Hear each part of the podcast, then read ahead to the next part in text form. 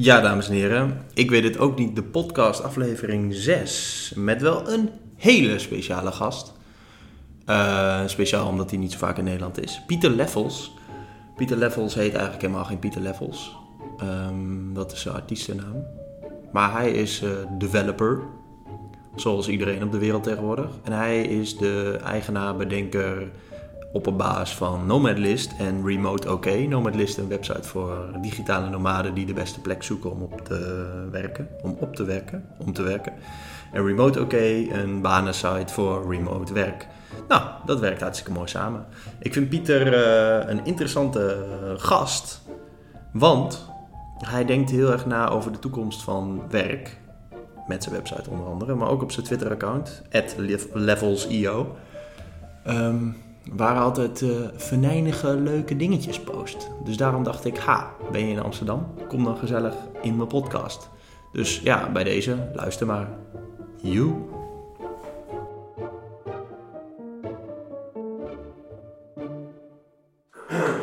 Hoeveel tijd heb je? Gast oneindig man. Oneindig tijd. Ja, maar, ja. Uh, ik heb ook geen zin om een intro te doen, Pieter. Um, gisteren vroeg Ik ga me niet voorstellen. Nee, hoeft ik niet. Dat trek ook echt slecht. Gisteren vroeg iemand op Twitter aan jou: wat zou, je, wat zou je zijn als je nooit had geleerd om te coden? En toen antwoordde jij: Unemployed. Unemployed, waarom? Werkloos. Omdat, uh, omdat er niet zoveel banen meer zijn, denk ik. Voor heel veel mensen. Ja. Er zijn genoeg banen sowieso. En ik denk dat. Um, als ik kijk naar mijn vrienden bijvoorbeeld gewoon Nederlandse vrienden, wat die doen. Uh, ik denk de helft werkt bij de overheid. Er zit nog geld. Uh, er zijn een paar die zijn recruiters. Dus voor tech. Weet je wel? Ja. Eentje is manager bij TomTom, bij een techbedrijf. Dus die manage, manage programmeurs. En, uh, en ik programmeer dan. Ik heb mijn eigen bedrijf. Ja. Dus het is natuurlijk een hele kleine selectie. Ik zit in een soort van hoogopgeleide Nederlandse bubbel. Maar als de hoogopgeleiden allemaal al met tech bezig zijn, en wat er dan overblijft van banen is dan denk ik uh, logistiek, weet je, vrachtwagenchauffeurs, dat soort dingen. Um, heel veel publieke dingen, weet je, politie, uh, ziekenhuis is ook eigenlijk publiek. Dat zijn, dat, er blijft weinig over. Er zijn weinig uh, dingen die nog um, overblijven als baan. Heel veel is geautomatiseerd. Ja. Dus ik denk dat het, als je, als je niet eens affiniteit hebt met programmeren, dan, dan loop je denk ik achter. Ja, maar wat moet je dan sowieso niet gaan studeren als je nu gaat studeren? Ik weet niet of ik zou studeren, man. Ik heb gestudeerd. Ja, ja, ik ook. ik heb Erasmus gedaan, ik heb een master en ik, ik was van, van de middelbare school afgetrapt. Ik ging naar het gymnasium en ik vond het zo fucking saai. En uh, toen ben ik er afgetrapt omdat ik nooit, nooit bij de les kwam. En uh, toen heb ik uiteindelijk gevochten om zo'n diploma te halen en weer op de universiteit te komen en een master te halen.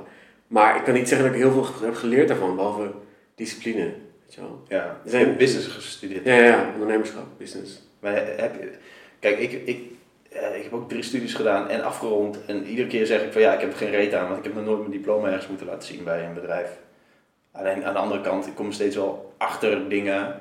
Ik weet niet precies of het aan, aan die studies ligt. Maar als ik bijvoorbeeld geografie heb gestudeerd en ik culturele geografie een tof vak vond, ja, ik heb er nu wel best wel veel aan in de dingen die ik doe. Al is het reizen of... Maar wacht even, je hebt culturele geografie gestudeerd? Ja. Ja, maar dat is wel een interessant onderwerp. Jawel, maar ik, ik, ik deel jouw mening wel dat studeren niet per se belangrijk is.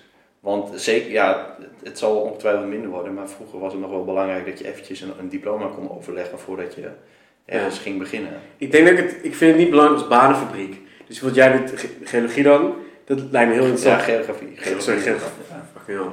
Iets met aarde, denk ik.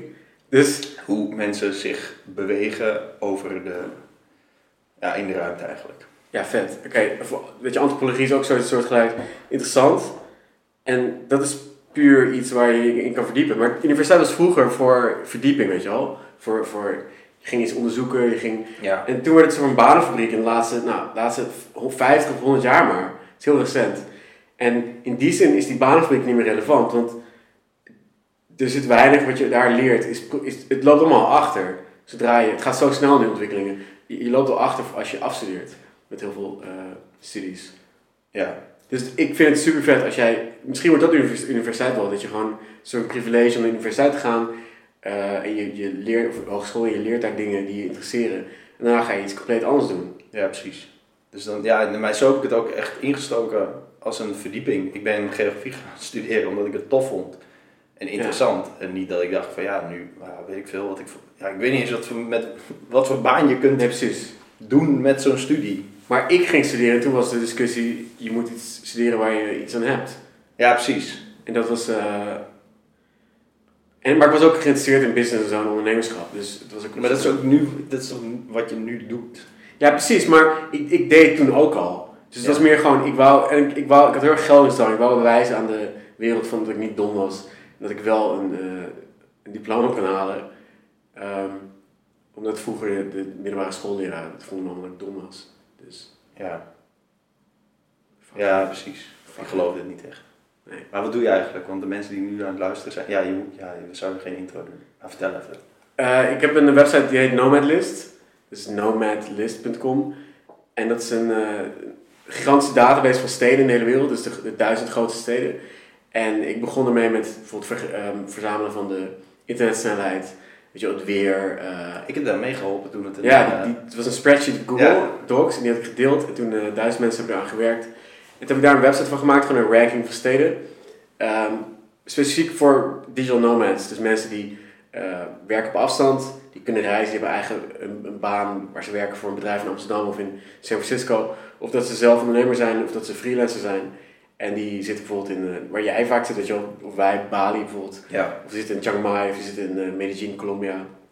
Ook heel veel mensen zitten gewoon in New York of San Francisco, gewoon grote steden.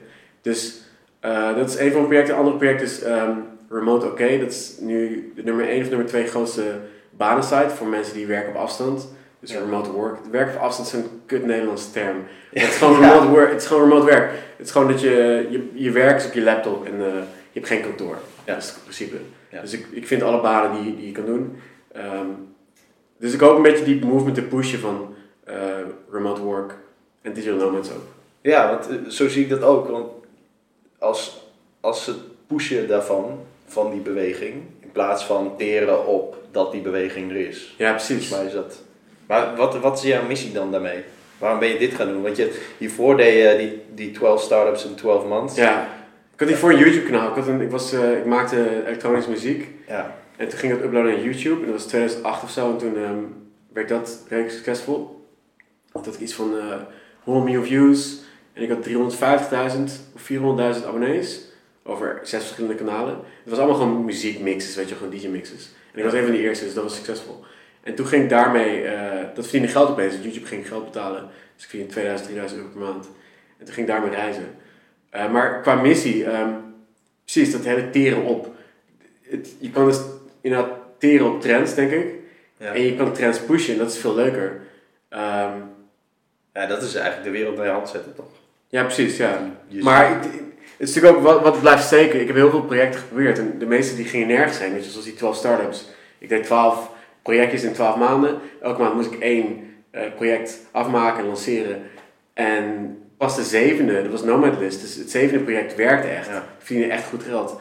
Dus, eh, dus je, je kan vaak niet kiezen wat succesvol wordt. Dus ik kan nu wel zeggen, ja, mijn hele plan was altijd die movement pushen. Maar die movement was er al voordat ik er was. En ik kwam gewoon binnen, ik vond het super vet. En Ja. ik eh, heb het een beetje doorgepusht, denk ik. Een beetje Ga je bijdragen. Ja. En wat zijn dan bijvoorbeeld projecten die gewoon helemaal niet zijn geworden?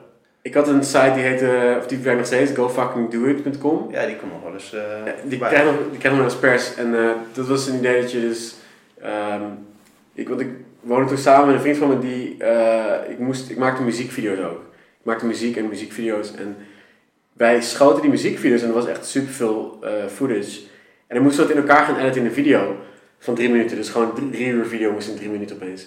Het was zo'n kutwerk en ik haat editors. Jij edit ook. En Misschien vind je het leuk. Ik haat het Ja, zo nee, want ik, ja, ik upload bijna niks meer, omdat ik dat edit. Ja. het is gewoon. Het verschrikkelijk. Het is echt een van de kutste activiteiten ooit. Maar dat moest gewoon af. Het Het is leuk om te doen, maar het duurt zo fucking lang. voor zo weinig resultaat. Ja, je bent een video van 10 minuten, ben je 5 uur aan het editen. Ja, ja, ja. Tenminste, ja. Precies, ja, totaal. Dan ben je nog snel. Eh, het duurde voor ons echt weken om drie minuten te editen. Het moest gewoon goed zijn. Dus anyway, ik zei tegen die huisgenoot van me, die video komt nooit af. Ik betaal je 250 euro op zondag als die video niet af is. En het was vrijdag. Dus ik had twee dagen drie dagen om die video af te maken. Moest ik, en ik gaf hem ook 250 euro. Ik heb gepint. En ik gaf hem 250 euro en ik kreeg het pas terug als die video af was. Ja. En ehm, dat werkte zo goed. Die video was best af en ik vond hem ook super kut. Maar nu vind ik hem best wel vet. Dus dan zie je dat soort perfectionisme. Ja. Dat eh, boeit niet. Eh, en toen heb ik een site van gemaakt waar je dus kan invullen. Ik wil bijvoorbeeld stop met roken. En ik betaal 200 euro als ik eh, eh, niet ben gestopt met roken op die datum. Ja. En dan een vriend van je die kan checken per e-mail. Krijgt een mailtje van is hij gestopt met roken of niet? Ja. Ja, of nee. En als hij nee klikt, dan... En dat geld gaat naar die website. Ja, die gaat naar mij toe, ja. Ja. Dus er- ongeveer 30% faalt. Is er nu iets waarbij je echt een heel stom, goed, nee, niet goed doel, bijvoorbeeld, eh, ehm, weet ik veel, gewoon iets wat heel erg kut is. Nou ja, het dolfinarium, weet ik veel, zoiets. Dat je daar een donatie aan doet als je... Ja, maar het heeft geen zin, want ehm, als jij weet dat het geld al naar een goed doel gaat, dan is het minder... Nee, nee, maar ik bedoel, ja, weet ik veel, de Nederlandse nazi-partij bijvoorbeeld. Dat is, dat, Oh, ik zou ja, naar, negatieve dingen. Ja. Oké, dat is wel goed, hè. Precies. Ik weet niet of die bestaat. Dus daar heb ik wel van gehoord. Maar ik moet natuurlijk... Ja, mijn doel was een be- bedrijf. Mijn doel was gewoon geld verdienen. Want ehm, ik, was, ik had nog steeds die YouTube. En het YouTube-kanaal verdiende steeds minder. Dat het steeds drukker werd op YouTube. En het werd steeds competitiever. Ja, Dus daar verdiende ik 1000 euro per maand. En toen werd het 800 euro per maand. Dus ik zag zo mijn inkomen instorten. ja. En ik moest echt op iets komen eh, wat, moest, wat geld ging verdienen. Dus het was, er was een grote druk. En het is natuurlijk relatief, want ik kan altijd bij mijn ouders gaan wonen, het maakt niet uit. En dan, ik ben een kindje van babyboomers, dus het boeit niet. Maar de, de schaamte van op je dertigste bij je ouders wonen of zo, weet je wel, of ik was toen 26, Ja. dat wil ik natuurlijk niet. Dus ik, ik wou eh, echt iets succesvols hebben. En dat is voor mij wel gelukt. Voor mijn standaard is het succesvol en het verdient heel goed geld. En eh, Ja, is dat het succes? Is dat, ja, zo'n domme vraag of dat dan geld alleen de enige... Nee, het is allebei, ik. Die, Nee, ik vind, want heel veel mensen kennen die, heel, die verdienen veel meer geld dan mij. Maar die hebben niet echt een project wat echt iets toevoegt tot de samenleving. Het klinkt heel cliché, maar... eh, en ik hoef niet... je wilt als mens toch bijdragen, volgens mij is het heel... Ja, precies. Maar het hoeft dan niet zo'n school in Afrika te bouwen. Maar ik vind het gewoon vet om mensen gedrag te beïnvloeden. En als ik mensen spreek die dan zeggen... Ja, eh, ik, ik woon in Nashville, Tennessee. En toen stuurde iemand me je site. En toen kwam ik op allemaal plekken waar, eh, waar ik naartoe kon. Toen heb ik mijn huis verkocht. En ben ik gescheiden. Nee, niet gescheiden. Maar ik heb mijn huis verkocht. En nu ben ik met mijn vrouw ben ik bijvoorbeeld eh, in, ehm, door, door Oost-Europa aan het reizen. Of door Azië aan het reizen. Heel veel gaan naar Azië natuurlijk. Ja. Eh, en, ik, en ik werk nu voor GitHub of zo vanuit Bali. Ik bedoel, Hoe vet is dat? Heb je, en er zijn heel veel van die verhalen heb ik. Ja. Dus dat is gewoon een heel cool gevoel dat jij mensen hopelijk beïnvloedt in een positieve manier. En, en ze verdient gewoon geld. Dat is Ja. super chill. ja, dat is heel erg chill. ja. Dat is echt 50-50, weet je wel. En plus, volgens mij is het, ja, nou ja, weet je, ik, ik zei al dat ik vanaf het begin heb ik het een beetje in de gaten gehouden, dus het groeit nog steeds. Lijkt me. Ja. Is dat, Ja, het is net een record, man. Exponentieel? Nee, maar het is wel eh, zo. Ehm, het, is een, ehm, het is nu 600.000 bezoekers per maand, Nomadlist. Ja. Remote K was vorige maand 900.000. Jezus. Dus dat is eh, anderhalf miljoen eh, mensen per maand. Ja, en dat kan natuurlijk ook, dat, ja, dat houdt elkaar lekker in beweging. Ja, precies. Het helpt elkaar een beetje, ja. En je, je tweette laatst dat je de, de hele de chain eh, aan het bouwen bent. De, autom de automata- automation chain, ja. Ja, Ja, precies, ja. Dus, dus ik heb... Ten eerste ben ik niet een goede programmeur, dus voor mij is sowieso dat hele websites maken en dingen, het is heel moeilijk voor mij. Want ik begrijp er heel weinig van. En toen ik al die websites begon, toen begreep ik nog minder van. Dus ik probeer gewoon steeds een stukje te maken en kijken hoe ver ik kom. En ja. dat is een beetje mijn strategie. Eh, en na twee jaar nu, of het is bijna drie jaar denk ik, ja, tweeënhalf jaar, al die websites, eh, alles begint een beetje goed te werken eigenlijk. Ja. Zeg maar, eigenlijk begint dat niet gewoon de helft van waar je op klikt gewoon een foutmelding geeft, weet je wel. Dat was het eerst. En de site is nu echt meer traag. Dus dat soort dingen duren heel lang om te, om te fixen en zo. Dus nu werkt het eindelijk. En het mooie is, als je iets programmeert, dan blijft het dus meestal redelijk, redelijk goed werken als het eh, eenmaal werkt. Ja. Snap je? Dus het werkt totaal niet totdat het opeens werkt. En dan meestal blijft het gewoon aan. Ja. Dus hoef je niet meer aan te klooien. Dus bijvoorbeeld als mensen, ehm, mensen kunnen hun reizen vastleggen op een website zoals wat jij hebt gedaan. Ja. En dan kunnen ze dat tweeten.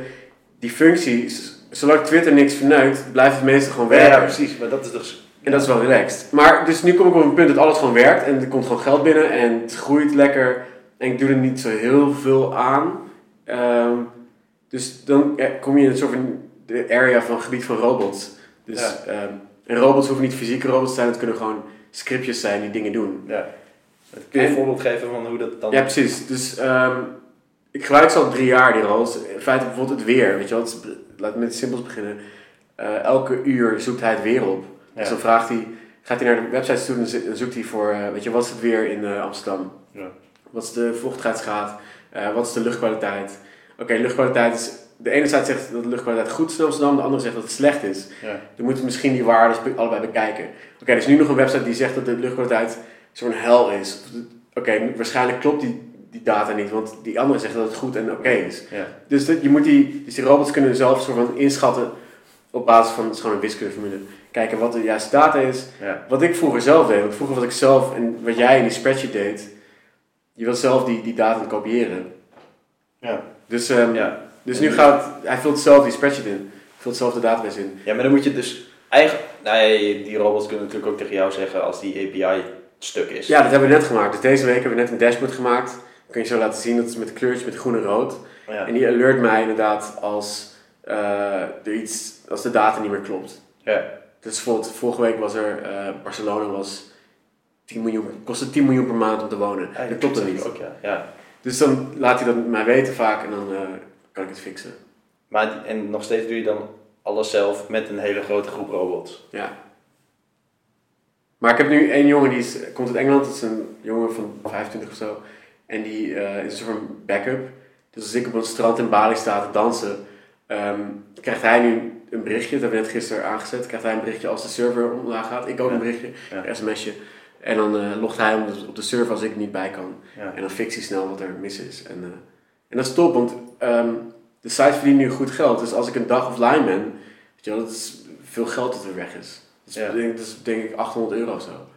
Ja. Dus dat is wel... eh, Plus mensen kunnen er geen gebruik van maken. ja, Zijn en, ze net zo, net zo verslaafd aan als bijvoorbeeld, ja, weet je, als, als Instagram down is, dan gaat iedereen op Twitter zeiken dat Instagram down is. Is dan, Precies, is het al zo erg dat, dat mensen direct. nee, want er zijn echt veel concurrenten. Er was een concurrent uit Amerika en die was funded en die hadden eh 20 mensen werken. Die hadden volgens mij 6, 6 of 7 miljoen funding.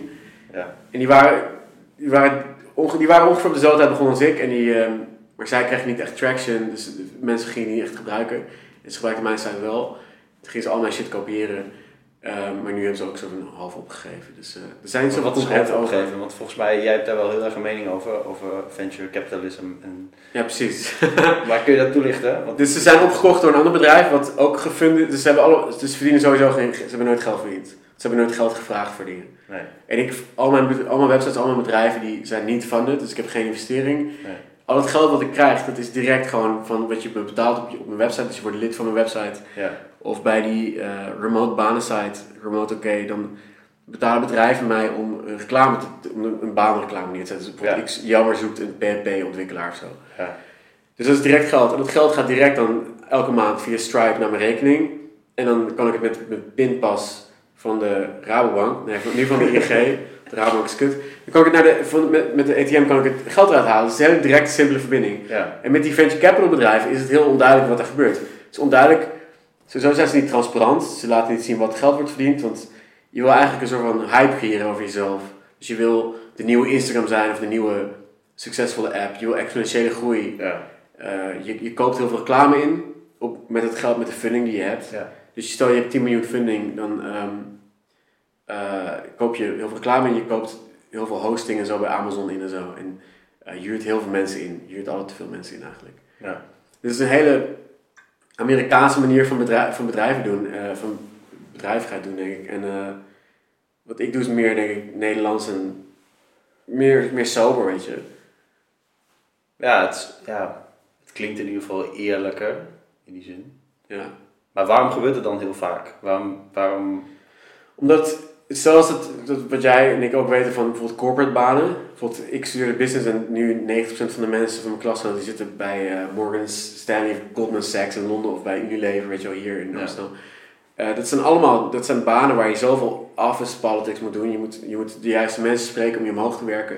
Je moet de, andere, de juiste mensen naaien, weet je wel. Allemaal van die trucjes en shit. ja, Dat, dat is ook niet heel transparant, dat vind ik ook niet leuk. Eh, dat gebeurt hetzelfde in die venture capital industrie, waar het maakt in feite niet uit of je een bedrijf bouwt wat succesvol is.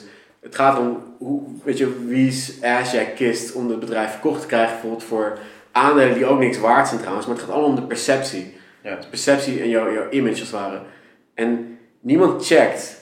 En dat is een probleem in de samenleving in het algemeen. Niemand checkt elkaars credentials. Dus ik weet niet wat je, hoeveel geld jij verdient. Of, of, of je echt succesvol bent. Misschien op jouw blog zijn de comments wel nep, weet je wel. Het is heel moeilijk te checken Ja. of jij echt succesvol Ik bent. heb comments uitstaan trouwens. Goed, ja, ik ook. Ik haat comments. maar, maar je kan heel makkelijk dus dingen, dat weet je van Instagram, dat is de helft spam nu. Het is allemaal nep en, Ja. en ehm, je kan de volgers gewoon kopen.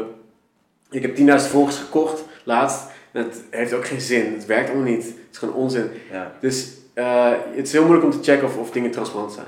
En ik denk dat is een van de grote eh, problemen. Dat de meeste mensen. Transparant zijn is kwetsbaar, weet je wel. Het is, het is kwetsbaar om over je gevoelens te praten. Het is kwetsbaar om over hoeveel geld je verdient te praten. ja. Al dat soort dingen. En ik denk tot Ja. nu toe. Ik denk dat mensen dat heel eng vinden. Het is toch, ja, het is, ik vind het is heel ook echt. eng. Het is heel echt. Ja, het is heel echt. En het, het- voor mij verkoopt het nu heel goed. Ik doe het de hele tijd. Ik, ik vertel op Twitter over mijn, of op mijn blog over hoeveel geld ik verdien. Ik vertel over als het uitgaat met mijn vriendin en, al die dat soort dingen. En als ik eh paniekaanvallen krijg, weet ik veel, omdat ik fucking in Japan zit en in mijn eentje daar geïsoleerd. Zoals vorige week, niemand praat omdat ik geen Japans kan. Super kut, weet je wel. Maar dat is de realiteit van het leven. Het is gewoon half super kut en half super chill. Toch? Dat is de hele tijd. En als jij en social media natuurlijk is de hele tijd, dat is klassiek, laten zien van eh, ehm, hoe goed het met je gaat. Al heb je nu recentelijk met Instagram zo van, weet je wel, dit is mijn no-make-up post, dit is hoe ik er Ja, echt ja. uitzie en eh, eigenlijk gaat het heel slecht met mijn laatste maanden. Maar het duurt altijd weer drie maanden voordat ze vertellen. Ik vind het vet als je gewoon zegt, vandaag is echt een kutdag. Ja. Ja, dat klopt. Ja, het, is, Het is veel duidelijker. Vorige podcast had ik het er ook over. Goed. Goeie ja, maar het is, voor mij zijn het trends. Ja, vind je? Ik Zo. denk, nou, ik denk dat iedereen elkaar een beetje nadoet. En dat het, het- dit is sowieso. Dus- ehm, het, het betaalt ook terug als je eerlijk bent. Mensen waarderen het heel erg. Eerlijk duurt het langst. Nee, ja, dat vind ik ook. Maar wat, wat de fuck betekent eerlijk duurt het langs? Ik snap het nooit. Het eerlijk duurt juist kort.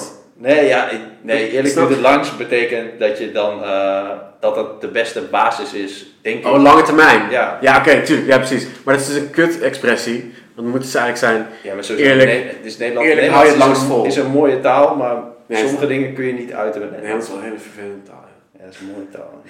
Maar- maar, Ja, ehm, waarom, eh, waarom was Japan kut? omdat ehm, Omdat het internet... het internet was kut. En En, dat eh, had jij kunnen weten als je op Nomad leest. Nee, ja, nee, want ehm, Japan is, is, is, loopt gewoon achter, man. Je, want wij zitten allemaal in, in Nederland en Europa van ja, Japan was een keer geweest, was vet futuristisch, alles geautomatiseerd, weet je wel. Ja. Dan bestel je noedels en dan klik je op die knop en dat is allemaal machine. En zo, wauw, het is zo'n modern land. Maar dan kom je er dus zes keer, want ik ben een paar jaar, over een paar jaar dus geweest. En dan kom je dus achter dat er dus iets niet klopt. Want elke keer als je naar Zuid-Korea gaat, wat ernaast ligt, Ja. dan werk je met een touchscreen met knoppen. En dan is alles nieuw. En dan kom je in Japan en dan zit je dus met mechanische knoppen. En met een mechanische faxmachine ernaast. Dan denk je, zou hier iets anders aan de hand zijn? En dan steeds meer zie je dat eigenlijk is het gewoon een land wat vast zit in 1990.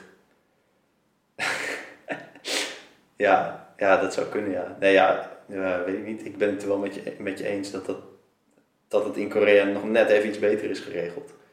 Ik kom, Maar ja, Korea ik ben, groeit. wat zeg je? Korea groeit. Ja, ik ben daar Dat is wel 48 uur geweest, dus ik weet, ik weet, ik kon niet zo'n goede analyse maken. Maar wat ik in Japan heel fijn vind, is dat die structuren en eh, orde zo lekker zijn daar. Die orde, ja. Lekker orde. Ja, En dat staat mij dus bijvoorbeeld tegen in Spanje. En dat is, dat is helemaal kut. Dat iedereen ja dat is de gewoon- grootste tegenstand van Japan. Dat is de Sp- Spanjaarden in feite. Ja. Omgekeerd van elkaar. Ja. Ja. Dus ja, maar ik voelde me ook net een Spanjaard in Japan. Ik liep dus rond en ik kon die regels niet volgen. Ik begreep het niet precies. Ik zat in zo'n capsulehotel en eh, dat is dan re- relatief goedkoop, weet je wel. Dat is dan 30 euro per nacht. Ja. Maar eh, in de capsules zijn dus zo'n buis waar je in ligt te slapen. Het is best wel chill. Maar ik had dus mijn, eh, mijn muntjes, mijn Japanse muntjes. Dat ik, er zit zo'n soort van edge voor die capsule waar je je spullen kan neerleggen. Ik leg daar mijn muntjes neer. Ik leg daar mijn eh, telefoon neer zo. Weet je wel, in Japan, je had toch niemand. Ja. En ik lig daar en ik word wakker gemaakt door zo'n dude. Van, het, van die capsulehotel. En die zegt... Hallo, hallo. This is very not okay. En ik zo, oh, wat is aan de hand? Zei, this is too messy. Oh, en, ik- en wow. letterlijk zijn het dus vier muntjes en een telefoon. Ja. En dat is dus, dus voor hun zijn wij Spanjaarden. Weet je wel, Ja. gewoon...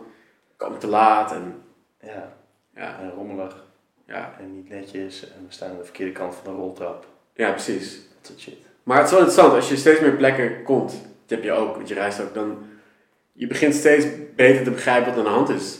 De eerste keer dat je ergens komt, het, het is allemaal weet je, intens en je hebt je voordelen vooral. Zoals je de eerste keer naar Barcelona gaat, heb je allemaal voordelen over Spanjaarden, en, Ja. en, maar ook goede voordelen, gewoon die preconcepties. Ja, Maar je komt erachter na al het reizen dat het eigenlijk helemaal niet klopt en dat het, er zitten veel meer gelijkenissen tussen een Jelmer in Nederland en eh, Yashimoto in Osaka, of zo, die allebei fitness doen, weet je wel ja. dan tussen de algemene gemiddelde Nederlander en gemiddelde Japanees. Does that make sense? Is het logisch? Een soort van. Ja. ja, wel een beetje. Maar ja, dat zie je dus niet direct. Nee, dus Maar, je je, denkt, hebt wel, maar ik, je hebt dus wel het gevoel dat het zo is. ja, het begint, ja, maar da- daarom is de hele vraag, als jij, is in, jij bent een Amerikaan, je komt in Nederland en je zit bij een Nederlands te eten hier, je zegt, guys, what is really Dutch? Dat, really Dutch bestaat niet meer. Nee. Want je drinkt Coca-Cola, je zit bij Starbucks en je hebt een eh rood microfoon. En het, het, het, dat bestaat niet meer. Er is niks Nederlands. Dat is bullshit. En sowieso, als je, zoals wat jij en ik doen, op internet meer bezig bent, dan... Voor mij, iedereen doet het trouwens. Iedereen leest Reddit en zo. En iedereen leest Engelse media. Ja. Er, is, er blijft heel weinig van over. Van, eh, ik bedoel, de, de meeste dingen die, die ik in Nederlands vind, zijn dan negatief. Dat is dan dat, dat mensen bij de bushalte niet tegen elkaar praten. Ja. Het is heel raar. En vorderingen. En, ja, ja, Ja. precies. En, en die rare melting pot hiervan, dat ik net op Amsterdam Centraal ben en ik zie dus Ajax supporters, maar voor mij zien ze eruit als hooligans, maar oké. En eh, die dan aan het schreeuwen zijn. En je ziet, eh eh, je ziet Marokkanen zo, die, die, die kijken naar van wat de fuck is aan de hand. Zo, het, is, het is best wel interessante salade hier van mensen. Ja. Wat je niet, want ik kom net in Japan, daar is het allemaal Jap- Japans, weet je wel. Ja. Je, bent de enige buitenlander in eh van 100 man of zo. Ja, maar is dat, ja, is het goed of is het fout? Of, of Nee, ik vind het wel ja. vet. Ja. Ik denk wel, ja, ik, ik denk dat het, dat het duurt heel lang voordat het, het zo allemaal samen gaat. Ik denk 40 jaar, maar dan is het wel. Ik denk dat Europa nu moeilijk is, maar ik denk dat over 40 jaar dat die, die treinbotsing waar we nu in zitten, Ja. van keiharde cultuurclash die echt niet werkt, het werkt echt voor geen meter, dat over 40 jaar gaat iedereen met, ik bedoel, ondertussen gaat iedereen met elkaar eh, neuken en kinderen krijgen. En dan krijg je Marokkaans-Nederlandse baby's en dan is alles opgelost. Maar het moet gewoon samen. Ja. En dat duurt wel lang. ja, maar dan is het toch wel weer een nieuwe cultuurclash. Ik, weet- ik, ja, ik weet het niet Nee, sowieso. die clash er is, Ja, maar... het was 40 geleden Turks, weet je wel. Dus nu is het... Het, maar het, het gebeurt overal. Dus het is... eh, ja. maar sowieso is het goed. Denk ik. Maar je gaat wel weer snel weg, want je gaat overmorgen naar... eh, New York. Ja, en dan naar Amerika omtrekken en zo. En heb je daarna al, weet je, weet je daarna al wat je gaat doen? Nee. Nee. ik weet niet. Ik ben een beetje... Ik, ik zit nu in die... ehm, existentiële crisis, maar die is positief. Zo van, eerst was het negatief, van wat doe ik met mijn leven? Nu is het van, wanneer was dat dan? Dat was twee jaar geleden. Maar nu is het van, wat doe ik met mijn leven is positief. Zo van, het maakt echt niet uit. Nee. Het is letterlijk weinig eh, plan. En dat is best wel relaxed. Het is- best wel moeilijk om daar mee te dealen. Zo van dat het oké is dat je dus niet weet. Ja, maar het is ook een ja, privilege, dus- je, ja, nou ja, ik weet niet of het een privilege is. Je bent gewoon geconditioneerd met altijd erover na te denken. En Ja, maar dat is eigenlijk druk, waar. Het druk maken over de toekomst is volgens mij wel echt een, een conditionering. Ja, het is echt een millennial ding. Ook wel. Ja, maar ook omdat het de hele tijd wordt opgedrongen. Ja, het hele schoolsysteem is toch ook gebouwd omdat je je druk zou moeten maken over, over je toekomst. Ja, kies nu omdat je over fucking zes jaar moet, een bepaalde Ja, baan moet doen. Dat is toch, dat zit toch... precies. Maar het is heel raar man, hoe het werkt. Want ik ben niet heel anders dan jij. Eh, en ik ben niet een gestoord persoon. Ik heb gewoon Al- Ik heb alles gedaan wat de maatschappij wou dat ik deed, weet je wel. Ik heb gewoon, eh, ik verdien geld, ik heb een diploma, ik heb vrienden, ik ben een aardige gast en ik ben oké. Maar nog steeds voel ik dat, dan ben ik bijvoorbeeld hier, dan zit ik in je huis met een mooie houten tafel, beetje Balinese tafel, eh, mooie bank. Duits uh, walnotenhout. Ja, dat is man. Zelf gemaakt. Mooi man. Thanks. Maar al die dingen zijn dus, sowieso zijn het weer statussignalen van, ik denk, kut, ik ga naar New York toe, ik heb niet die bank en die tafel en die keuken, moet ik ook niet een keer zo'n zo'n huisje in Amsterdam-Noord hebben, weet je wel, voor, voor 3,5 ton met zo'n hypotheek, moet ik ook niet een keer zo'n zo'n wijnkabinet hebben wat Jelmer de Boer heeft. Want anders gaat het mis met mijn leven, dat ik dat niet allemaal heb. Weet Weet je wel? En dan moet ik zo van uitswitchen van, doe normaal, het slaat nergens op. En dan kijk ik op mijn bankrekening en dan zie ik, ja, het gaat goed. En ik heb gewoon eten en ik kan Het is, het is al, ja, je hebt het, het kan, je hebt het allemaal mogelijk. Precies, ja, ja. Maar, maar het, het, het, het is vooral een intern ding, denk ik, wat je... Nee, maar ik heb dat toch ook. Ik bedoel, ik ben vorig jaar volgens mij iets van 40% van de tijd was ik in het buitenland. Ik heb iets, eh, ja, samen met een vriendin 17 landen bezocht. En toen heb ik, ik heb ook nog een paar reizen los van haar gemaakt. Wauw, dit is ook wel, dat klinkt wel heel raar of zo dit. Maar goed, heel veel landen bezocht. Ja, vet. En nu heb ik besloten van oké, ik ga eh, met haar samenwonen in, eh, ehm, hier in Amsterdam-Noord. Ja, het, het kan allemaal. En bij, bij alles wat je, niet dat ik het kut vind dit en niet dat ik het kut vind dat reizen, maar het, ja, je hebt zoveel opties, dus ja, dan... Nee, precies, ja. En je moet doen wat je zelf wil, dat is het belangrijkste. Ja. Ehm, maar ik denk dat er nog steeds wel, en het is natuurlijk in de algemene, het is niet alleen de Nederlandse maatschappij, het is elke westerse maatschappij, ook trouwens ook Aziatische. Er zijn allemaal van die scripts en er zijn allemaal van die dingen die je moet doen. En eh, die niet per se op jouw moment in je leven van toepassing zijn, maar die doe je toch omdat mensen zeggen dat het wat je moet, moet Ja, zijn. volgens mij omdat het in je hoofd zit. Ik, ik, ik sprak eh, Paul Bosma, mijn collega van de podcast aflevering 1 over slaap. Hij, eh, hij zei dat, dat hij een interessante discussie had gezien tussen iemand die niet gelooft, of die niet gelooft in religies. Misschien kun je dat beter zeggen. En iemand die dat wel doet. Op het, en de discussie ging over eh, of normen en waarden die er nu zijn in bijvoorbeeld de Nederlandse samenleving, of die niet voortkomen uit dat we allemaal zo religieus waren hiervoor. Sowieso. Dat je wel kunt zeggen van oké, we stoppen met religie, want het is bullshit. Want ik, ja, ik, ik begrijp ook helemaal niks van religie. Maar roepen we dan niet iets heel erg, erg ergs over ons af?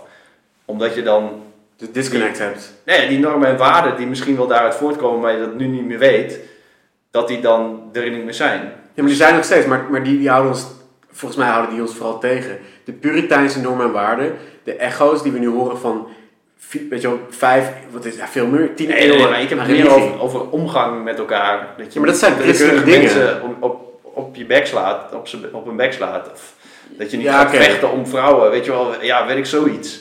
Ja, precies. Ehm, maar daar heb je wetten voor nu. Ja.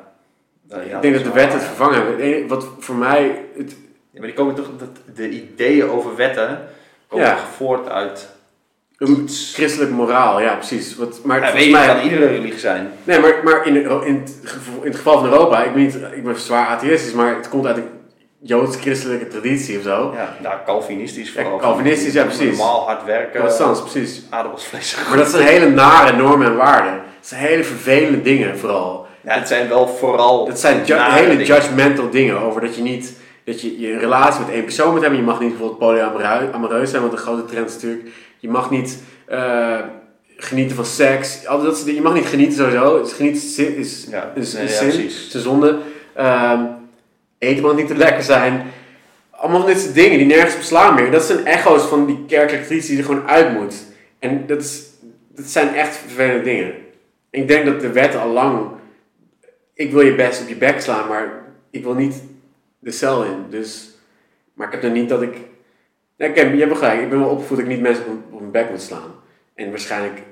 Mijn ouders hebben dat uiteindelijk ooit uit de kerk of zo, weet ik veel. Maar ik denk Ja, dat het ik, weet dus niet, ik weet dus niet of. Ja, ik weet niet of je dat zo kan zeggen. Maar er is toch common sense? Dus toch van, het is gewoon mijn vrijheid reikt tot waar jouw vrijheid reikt. Ja, precies. En dat is de, Ja, maar een ja, duidelijkere regel. Is, is dat common sense?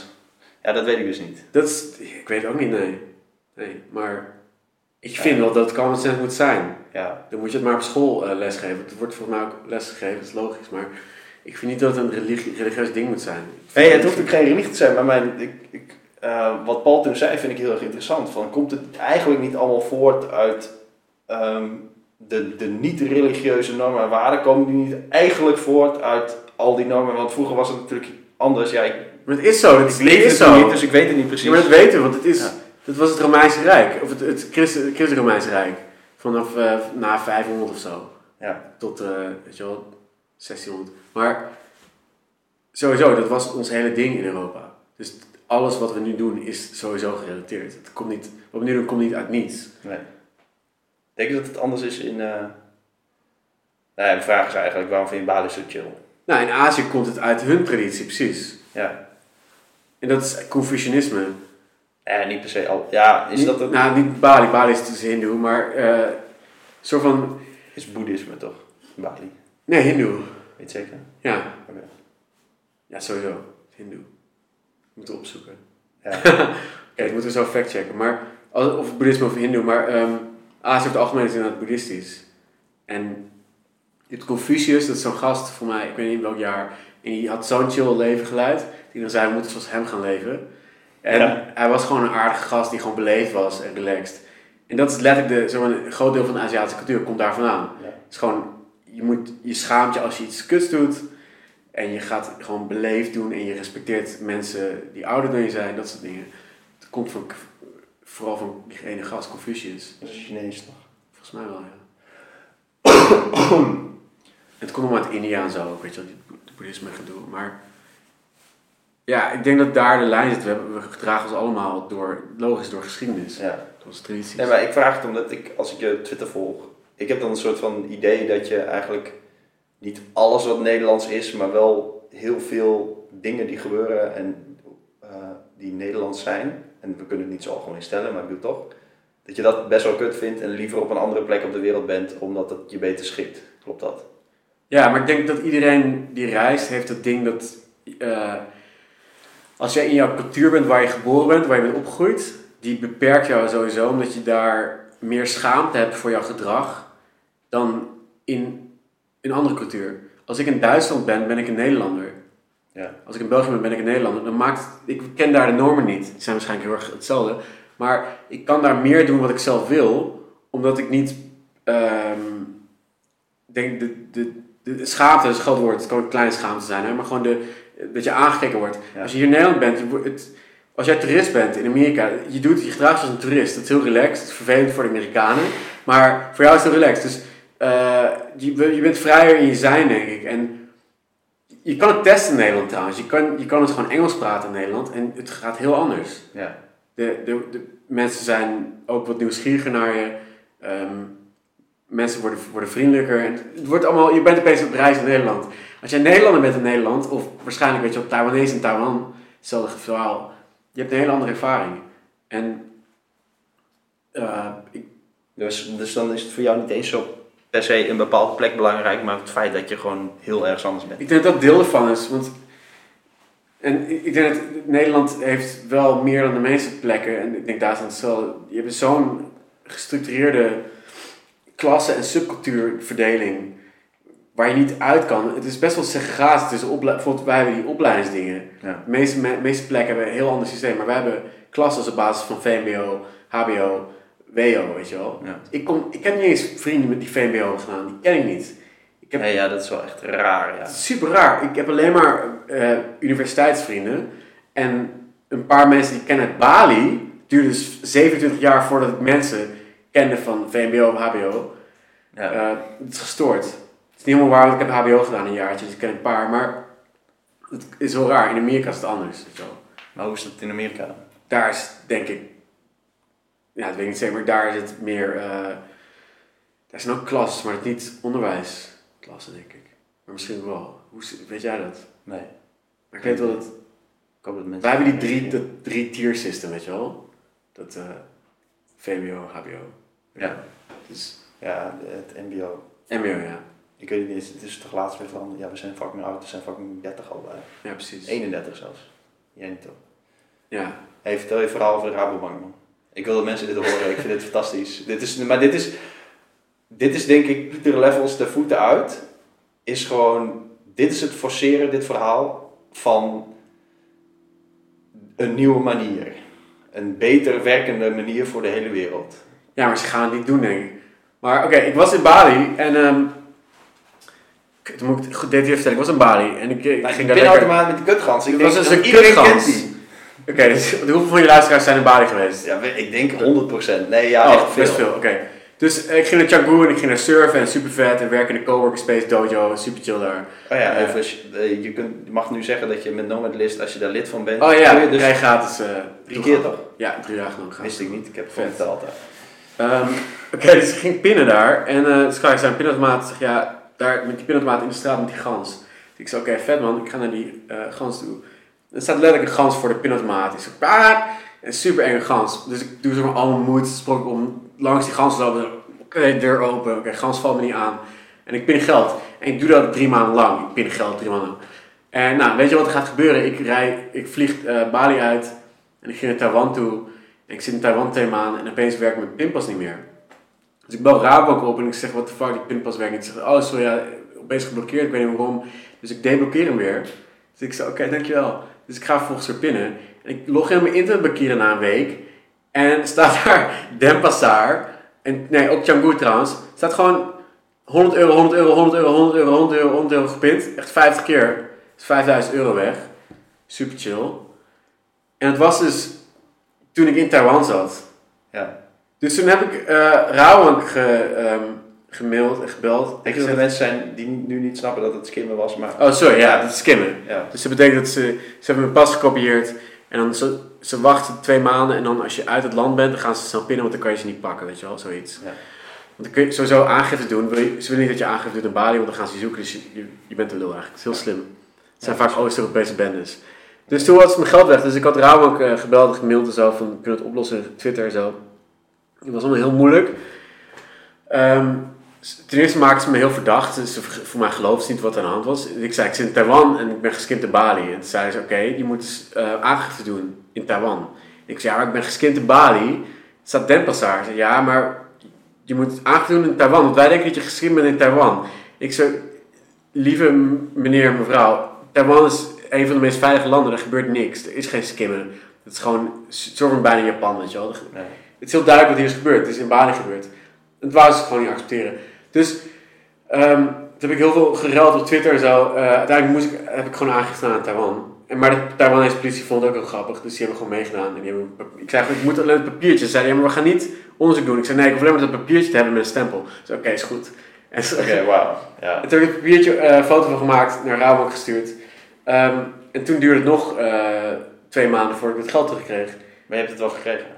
Uiteindelijk, maar, ehm, maar het was zoveel chaos en eh, het gaf zo van aan een beetje. Het, het ergste van het verhaal was dat Rabobank, als jij dus in Taiwan zit, moet ik bel Rabobank Nederland. Maar er is geen Rabobank Nederland.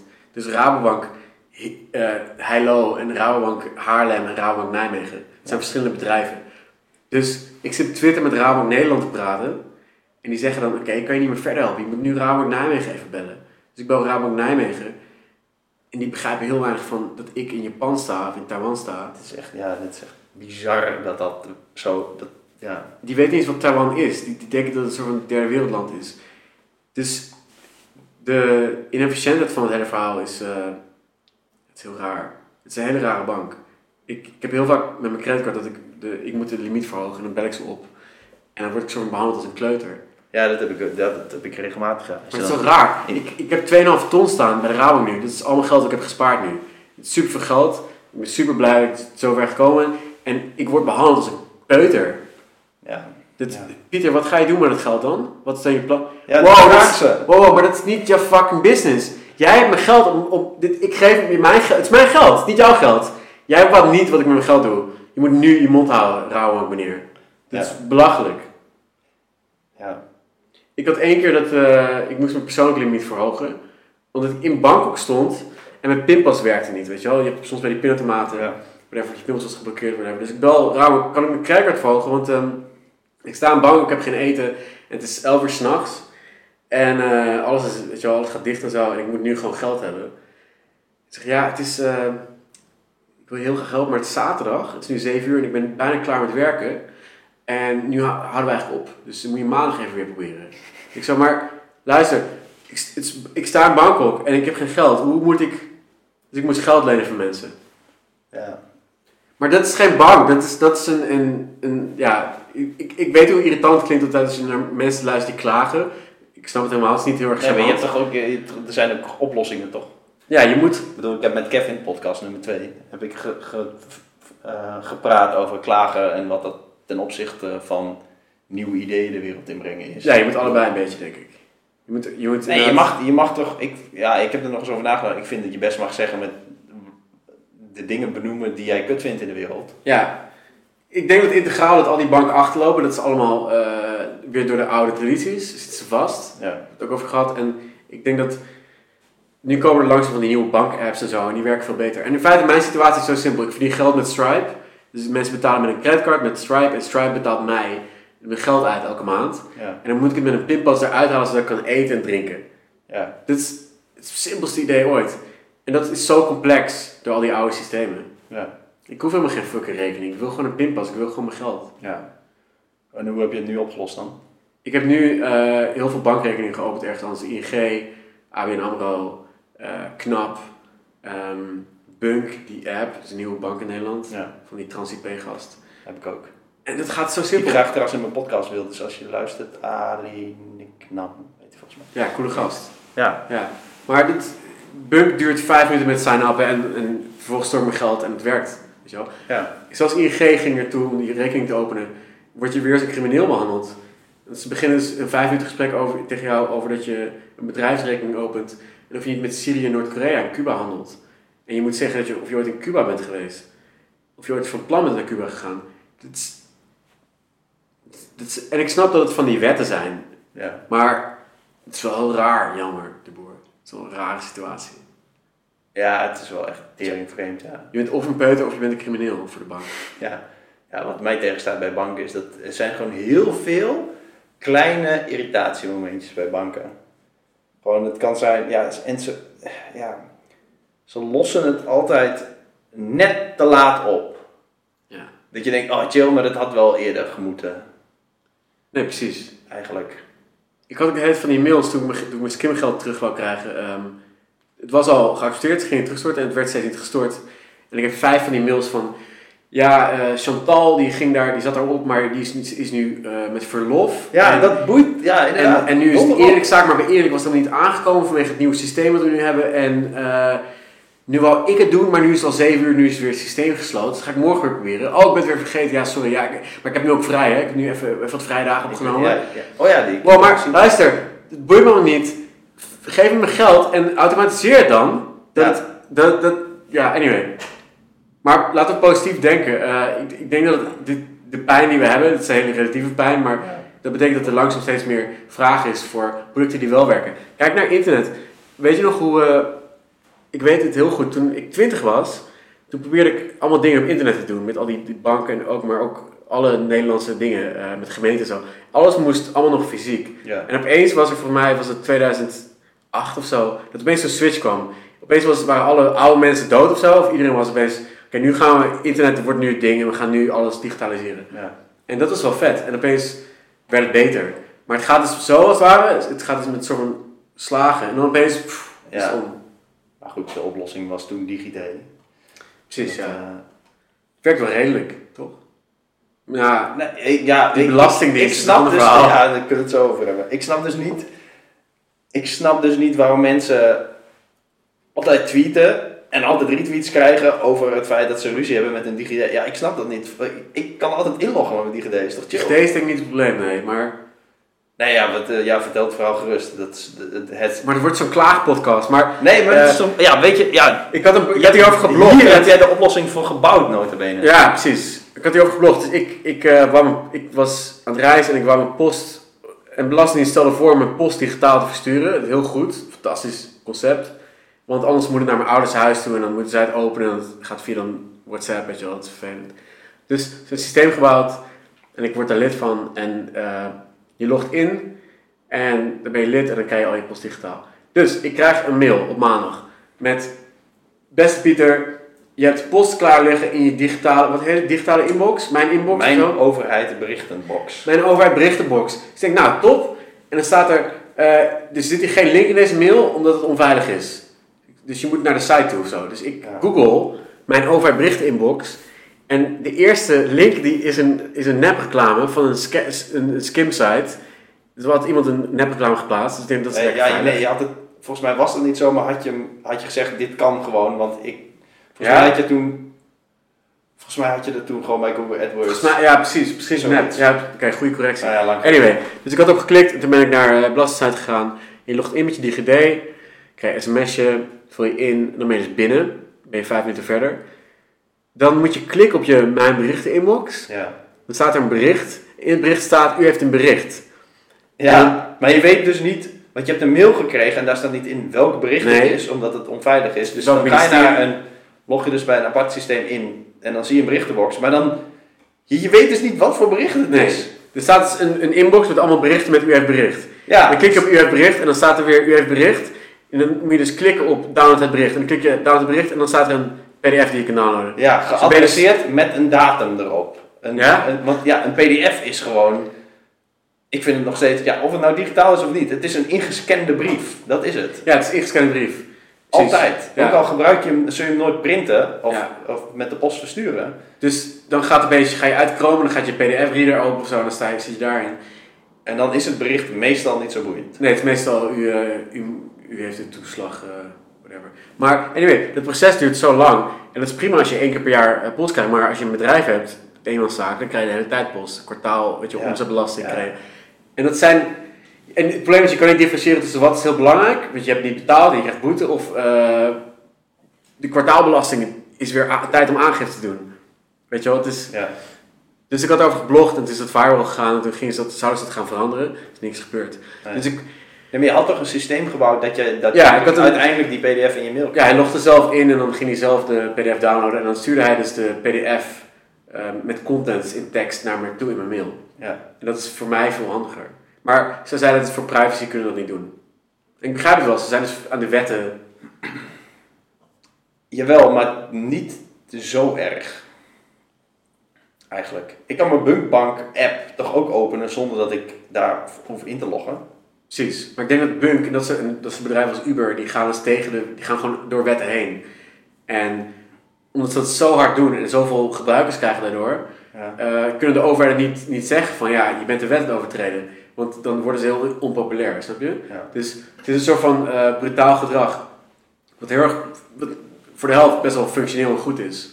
Eh, dus, ja. Maar het leuke van als je internationaal gaat, zoals wat wij doen, dat je rondreist, dan heb je de kans, dus de optie om niet per se het product wat, waar je geboren bent te nemen, dus Rabobank of ING. Maar je kan zeggen, ik ga gewoon bij een internationaal bedrijf, bij een internationale bank. Of Ja. eh, bijvoorbeeld, ik kan naar, ik zit bij Stripe voor mijn geld wat ik verdien. En ik kan naar HSBC of Citibank in Amerika, kan ik daar lid worden of in Hongkong of whatever. Ja. Dus ik kan overal eh, bankklant worden. Dat, en heb je vaak de superieure service. Je bent een internationale klant bij een, inter- bij een echt internationale bank. Niet een bank die proclameert, een Nederlandse bank die zegt we zijn internationaal. Dat is natuurlijk niet waar. Dus dat zijn voordelen. En ik denk dat steeds meer wat je krijgt, hoe meer mensen zoals wij gaan reizen, hoe meer druk er ook komt op nationale, lokale bedrijven, die gewoon niet kunnen concurreren internationaal. Want, ja, Nee, als je service niet locatie gebonden is, dan, ja, dan slaat het dan nergens op. nee, precies. Ja. Het wordt steeds meer natuurlijk. Ja, maar dan, ja, ja kan, dat je even moet bellen met het kantoor Nijmegen. En dat is toch, dat gaat, dat slaat toch nergens. Het is goed dat er een kantoor is voor oude vrouwen die daar wonen, Ja. dat ze daar naartoe kunnen. Maar ik snap het wel, ik ben early adopter. Jij ook, dus we zijn, we zijn niet de dominante klant nog.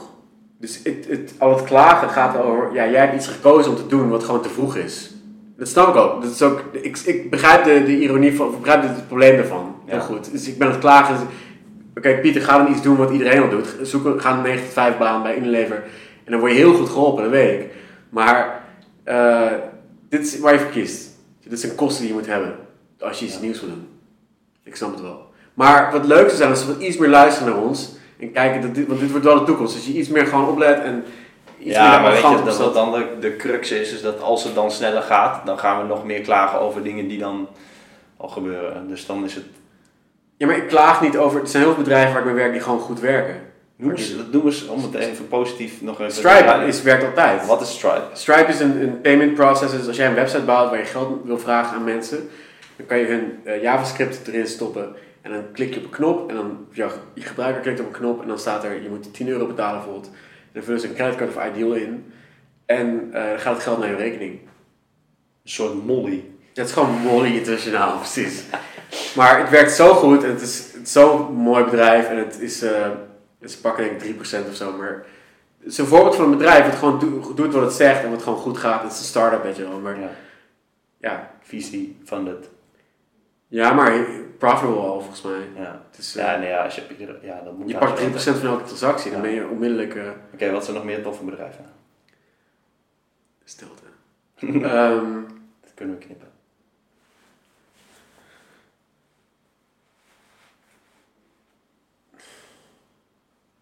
Ja, wat, wat gebruik je? Oh ja, weet ik veel. Wat ja, ik gebruik gebruik Twitter. jij? Twitter is ook een slecht product. Ja, ook- waarom? Nee, ja, Het werkt redelijk nu, maar het is... eh nee, ik vind Twitter fantastisch in, omdat het het is me in contact brengt met mensen die ik... Nee, klopt. Gewoon is nieuwe mensen Ja. en memes. Memes, ja. Ehm, wat zijn vette bedrijven? Ik vind TransferWise wel cool. TransferWise. TransferWise is een eh, bedrijf waar je transacties, dus geld kan overstorten van internationaal Ja. voor een hele laag tarief. En die zijn net met een borderless bankrekening eh, gestart gisteren. En dat betekent een bankrekening die dus eh, overal kan je dus pin, je kan overal een pinpasje voor krijgen voor elk land. Ja. Je kan voor overal een bankrekeningnummer krijgen voor elk land. Dus het is eigenlijk een Oh. internationale rekening. Heel vet. TransferWise. Het is een Est- Estonisch Brits bedrijf. Dat is wel cool. Dus er gebeuren wel dingen. ja. Dat is wel vet. Ja, En vertel eens over je Hello Kitty eh, betaalmiddel in eh Taipei. ja precies. Ehm, dus ik was in Taiwan drie maanden. Net een paar weken geleden. En dat is ook een heel interessant land qua technologie. Omdat daar de overheid is zo eh, op technologie. Ze willen zo graag vooruit zijn. Dat ze ehm, alles van omarmen en, en gebruiken. Dus je, hebt, je, koopt een pas bij de 7-Eleven, bij de supermarkt. En dat pasje is zo'n OV-chipkaart. Dan stop je geld op en dan kan je dus mee betalen. Dat doe je ook. Je betaalt overal met het pasje. Dus je koopt koffie of zo bij de Starbucks of whatever. Je koopt eten. Eh, dan ga je naar de public, public transport. Dus de OV ga je in en dan ehm piep je, betaal je mee. Dan ga je de coworking in, met je coworking space Ja. piep je voor, gaat, gaat de deur open voor jou. Ehm wat nog meer? Je kan fietsen huren, dus overal is een fiets in de stad.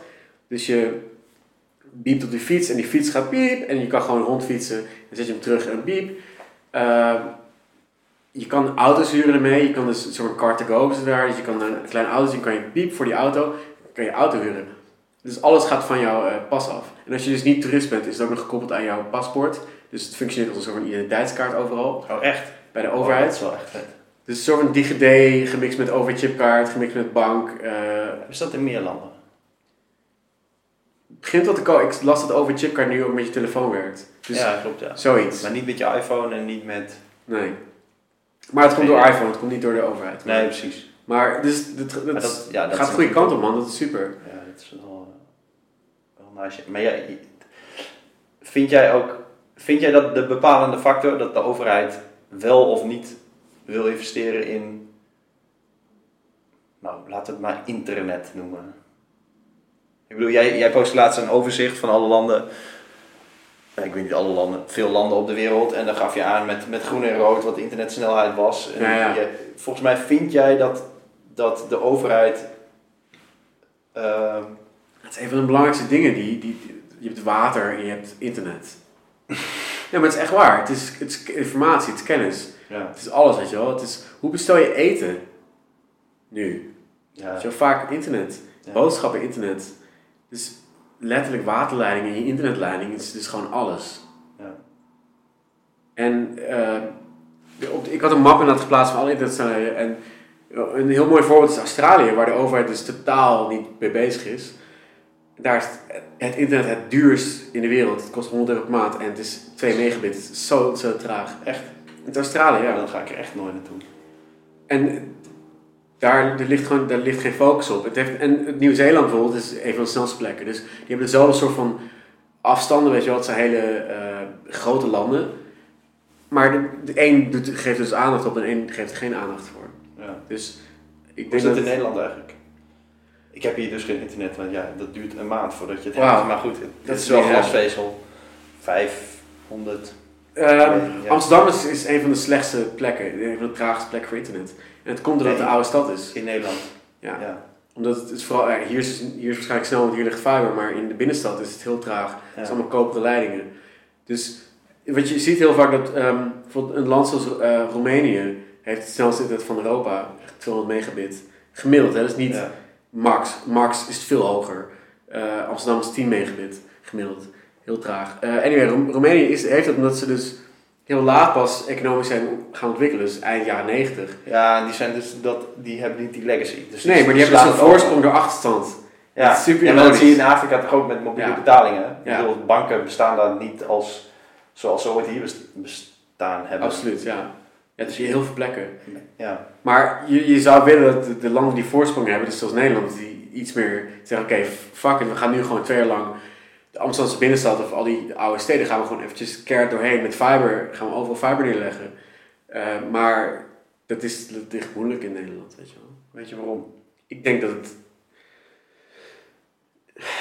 Wat je ziet in Azië is dat heel veel landen die niet zo democratisch zijn, eigenlijk zoals Singapore, dat die gewoon keihard gaan, technologisch. Ja. Dus dan kan je niet alles zeggen over de politiek en je kan Ik niet de premier uitschelden. bepaalt. Ja, het is, Een klein groepje. ja, het is een soort van een, een as, een spectrum van superdemocratisch Nederland, vrij, vrijheid van meningsuiting en we gaan alles overleggen. Tot geen vrijheid van meningsuiting, we gaan gewoon doen wat wij vinden het goed is voor het land, of soms ook niet. Hè. Ja. Maar op, als je dan over internet hebt, natuurlijk gaat het land wat gewoon kan zeggen: fuck jou met je straat en je, je hond, gaan gewoon door die weg heen met een fiberleiding. Ja. En het boeit niet als je overlast hebt ervan. Dat, eh, dat kan in Nederland niet. Ik denk wel dat dat, dat is goed en slecht in Nederland. Het, op heel veel vlakken. Ja, nee, maar dat is, ja, dat is ook de dooddoener. Dat je, Het is poldermodel natuurlijk. nee, ja, dat het mooie aan een land is ook direct het lelijke. Wie zei dat nou ook weer? Ja, maar dat is absoluut ja. Dat, dat is voor alles te zeggen. Het is een afweging. Dat weet je ook van. bijvoorbeeld Bali is een van de juiste voorbeelden van een plek die zo ontzettend kut is. En zo ontzettend relaxed. Ja, Er zijn zoveel dingen die zo kut zijn aan Bali. En dan zoveel dingen die zo... Het is zo'n gigantische... Weet je wel? Het- ja. Dat, dat, daar kom je ook achter dat gewoon elke plek is verschrikkelijk en fantastisch. Weet je wel? In Nederland... behalve Spanje, dat is gewoon alleen maar kut. ja? Nee, ja, behalve dat het er mooi weer is en dat je gefrituurde inktvis kan vreten. Ja. Barcelona is wel oké, toch? Het een Ja, ik was daar dus nee, ja, weet je, ik was daar laatst en eh, iedereen zei, wow, Barcelona, dat is echt chill man, daar moet je echt naartoe, moet je echt, uh, ja, is vet, bla bla bla, echt heel vet. Maar ja, ik, ik vond dat het charme miste, waardoor ik dus een beetje teleurgesteld was. Ja, mijn, mijn hopes waren gewoon te high. Maar het ligt ook aan de buurt waar je zit volgens mij. Maar dat weet je natuurlijk ook. Maar Ja, dat sowieso. moet sowieso naar Ramblas. Maar als je wat meer het land in gaat, kom je bij... eh, Ja, ik, ik weet niet eens meer waar ik zat. Maar goed, Ja. dat, nee, en ik vond het wel chill. Alleen, eh, laatst was ik dus in eh, Malaga, onder andere en Sevilla. En toen ja, kreeg ik weer hetzelfde gevoel. En toen ging ik volop op dat, eh, ik ging dat gevoel de hele tijd voeden. Dus alles wat kut was, was natuurlijk ook super extra kut. Gast, ik had het met Japan. En er is een woord voor. Het heet, iemand zei het heet travel rage.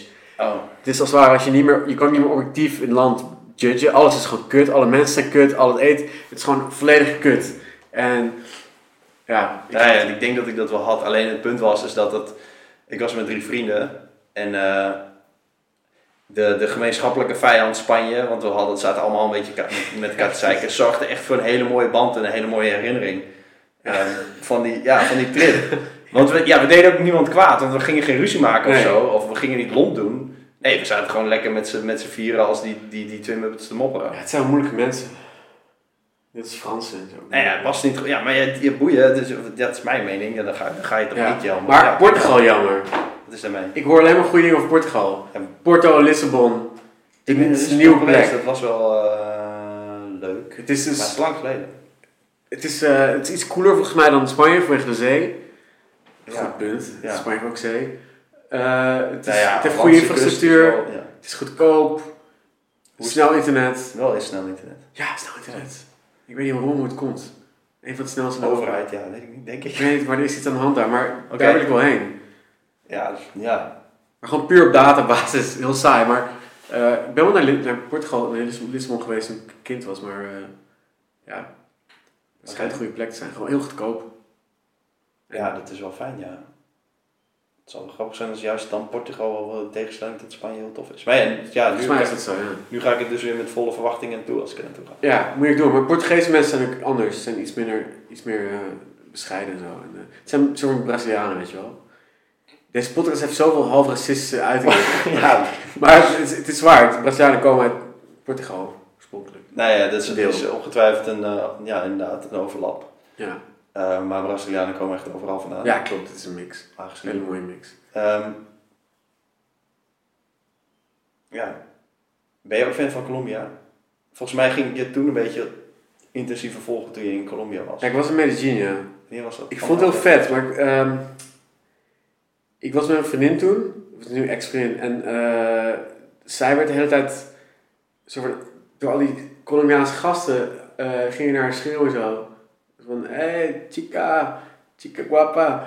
Wat, maar volgens mij is het gewoon, maar zij, was, zij is Koreaans, dus volgens mij is het gewoon zo raar voor haar als cultuur. Ja, En zo eh, agressief.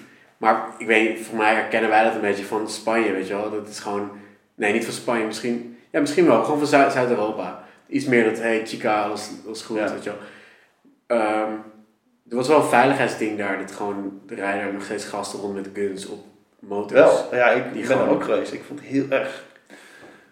Ja, ik voelde me wel veilig. Hele fijne, chille... En je voelt je heel veilig, totdat gewoon iemand met een gun staat en die wil je iPhone hebben en die schiet alsnog door je hoofd. Wat heel vaak gebeurt. Wat vaak gebeurt. Dus een Ja. paar keer, ik denk 30 keer per jaar.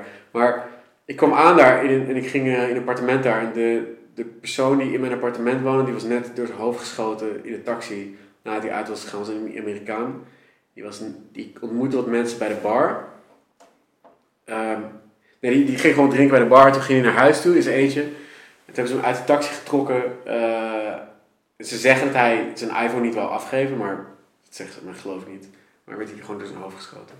Oké. Heel veel dat soort verhalen. Ik heb Dus, bijvoorbeeld macabere verhalen voor. je- dus je gaat niet meer terug. Nee, wel, wel. Het is gewoon een... Wat wij deden was, we gingen we woonden in een appartement en dan namen een Uber ergens naartoe. Zwart ge, zwarte ramen. En dan ging je daar naartoe en dan eh, ging naar buiten, ging je meteen het restaurant en ging je eten. Ja. En dat deden Colombianen ook. Dus er is wel echt...